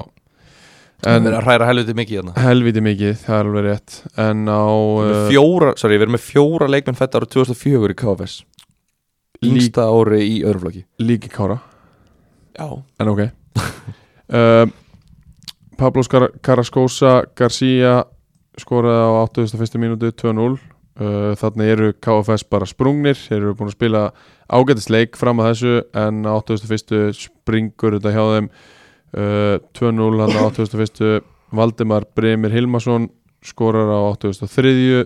3-0 og Kristján Jakob Áskrisson skorar á 84. mínútu 4-0 Valdimar Breymir fættu 2002 og Kristján Jakob fættu 2003 uh, Frábært að s- Frábært, frábært að sjá annarflagsleikmenn Já. uh, koma inn á Já. og ná að setja marksitt á leikin algjörlega, þannig að bara hrós- hróstið þeirra Valdimars og, og Kristjáns. Akkurat. Uh, sko það mátti kannski ekki búast við neinu meiru á, á, sérstaklega úr þessum öðrum leik hjá KFS Nei en þetta er náttúrulega leikur úr 15. umferð og þeir hafa bara fært þetta þannig að hægt væri að taka þetta í einn, á einni helgi það er náttúrulega ekki mikið budget til staðar í, í KFS eins og við vitum og, og það er alveg fleiri lið sem hafa gert þetta í gegnum tíðina eins og við talaðum í, í, í byrjun umferðlunar Já, já, maður ma ma skilur þetta alveg þú veist, þetta er náttúrulega ekki ideal og, og þeir Nei, vita það alveg sjálfur að þetta er smá eins og maður sé bara í fjórðaflokki algjörlega, en, en ekkert við þá að sakast eitthvað að að vera ekki með meiri pening á milli handana nei, nei.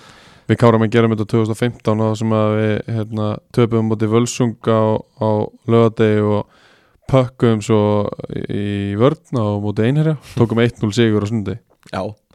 Þeir, þeir byrja nefnilega á neðsta liðinu og mænta svo efstaliðinu þannig Já. að þeir hafa væntalega bara lagt allt í sölunar í fyrirleiknum þar sem Já. að menn eru með ferskafætur á móti neðstaliðinu klárum þá strákar, þá eru við búin að fella þá og semi bara kominir í mjög góða stöðu Já. 60 frá fallseti Þeir spila víði í þeim leik en ekki á sundinum Nei, hann er bara liðstjórn, hann er ekki eins og í hóp þannig að hérna, en svo tap Já, svo tapa er þeim leik og þú veist, það hefur stungi svolítið held ég. held að nóttina svolítið að það sé- erfið.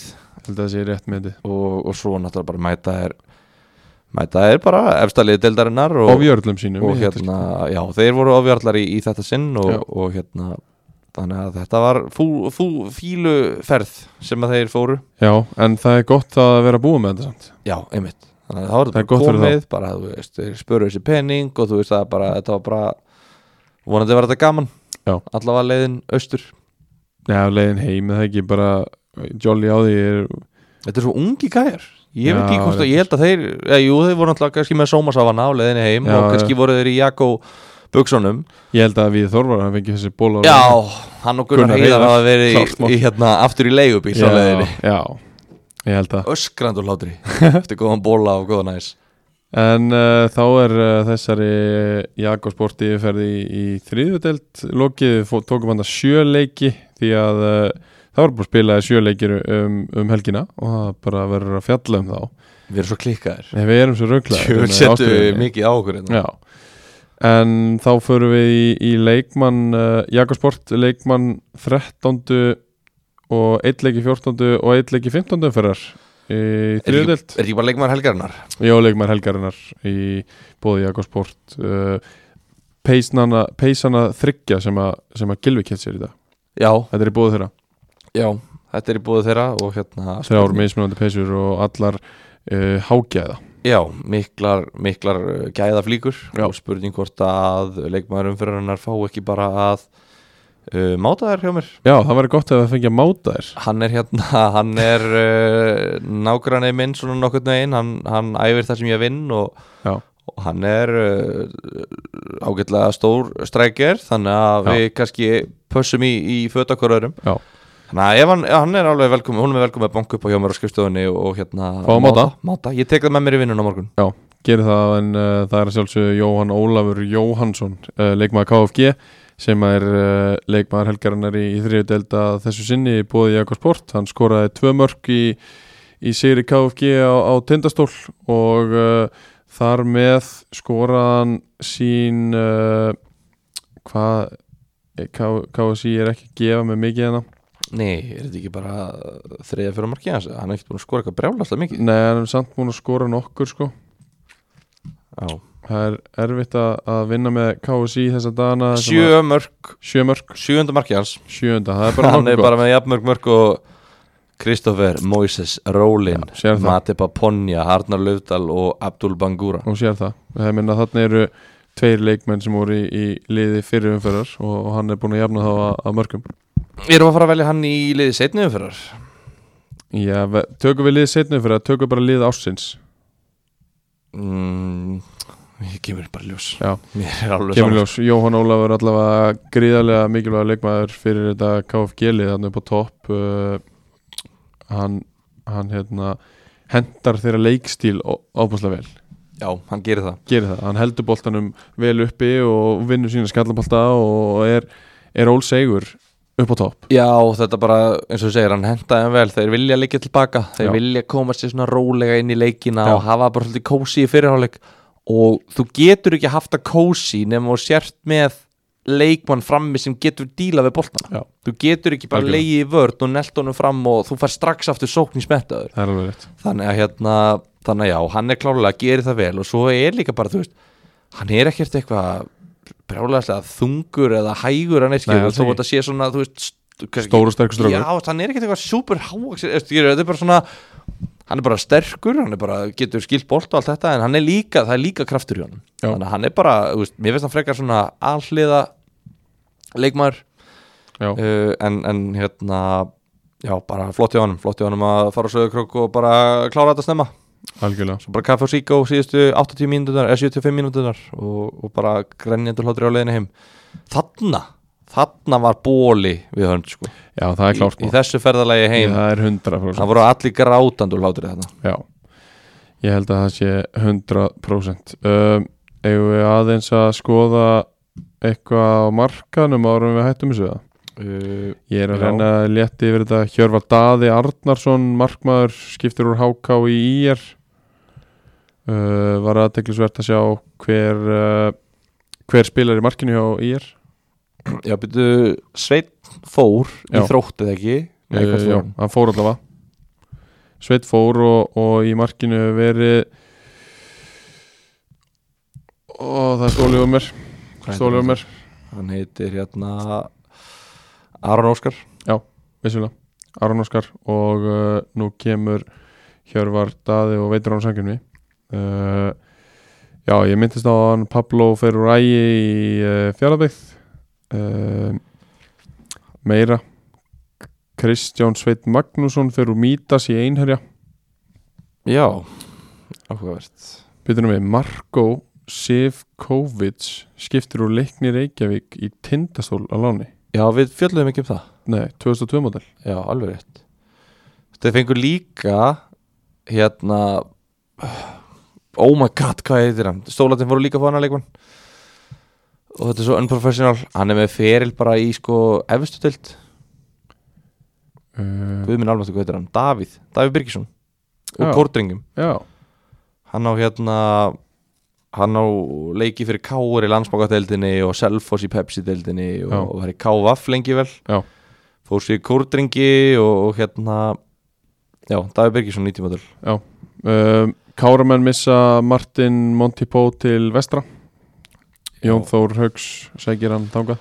Jón Þór eh, tekur hnífin og stingur sitt heimafélag í bakið. Já, með því að taka þeirra eitt þeirra besta leikmann og bara endanlega binda, von, end, binda enda á vonir þeirra við að fara upp held ég. Já. Nei, að bjarga sér segi Mögulega, mögulega. Sjáum hvað setur í því en, en fleira er ekki mikið margtækt á þessum lista? Nei. nei, Halldór Mar Einarsson skiptir úr KF í Magna en hann er fættur 98 hann er búin að spila 59 leiki í meistarlokki fyrir Völsung og KF já, okay. geti verið ágætis leikmaður fyrir þá. En ekkert sjúklega það er ekkert mikið af svona krassandi fréttum. Nei, vonum að við fáum í næsta næsta þætti hérna, eitthvað meira, meira spennandi. Já, það er uh, gluggadagur á fimmtudaginn. Já, og uh, kannski verðt að minnast á það að uh, já, við ástriðu bræði við verum liðsfélagar þegar, þegar gluggadagurinn uh, klárast. Já, ég var að fara í það núna. Ég var að announce Já, the news? Við klárum, klárum á því að hérna Já, við, við, bæ, við báðir og, og vonandi ætla ég að fá að segja mér að, að hérna, Óskar Smári komi með okkur líka.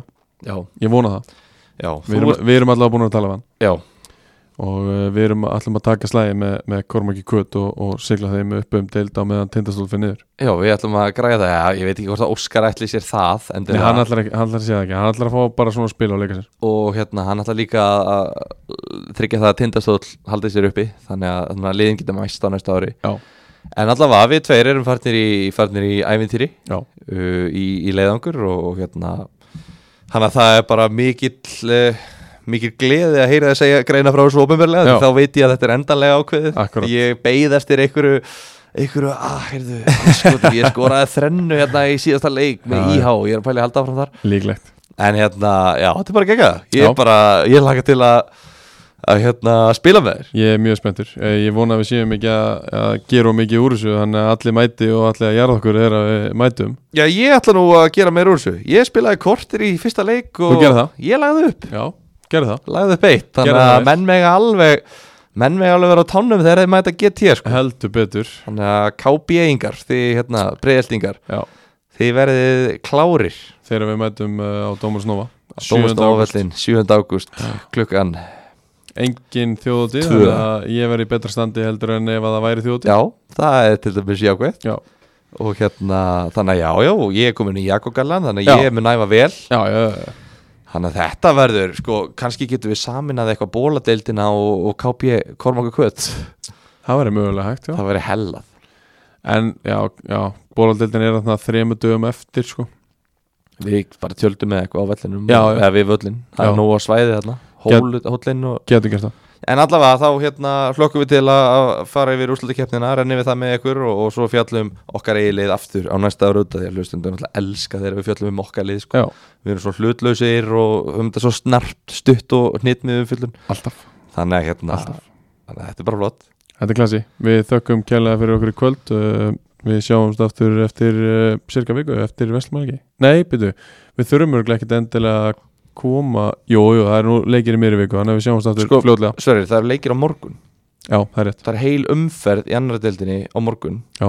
og það er næstu í heil umferð í þriðdeildinni á morgun og svo Já. fimmtudaginn sko. Þetta er bara, þetta er brjálaði Við erum búin að taka okkur smá pásu frá Spánni, ætlum aðeins að hérna, ráða, svona finna ráður okkar ráðum Já, og, uh, og komum heldur betur tví eldi tilbaka í Spána næst en erum við, erum við að taka þátt eftir við sjáum hvernig það fer. Sjáum hvernig það fer. En það er alveg líklegt að mögulega mætum við bara eftir helgi og tökum þessa umferð. Annars eitt aðtöðu eftir lögin út af við fórum ekki í spána. Ok, Tindastótt elliði á morgun.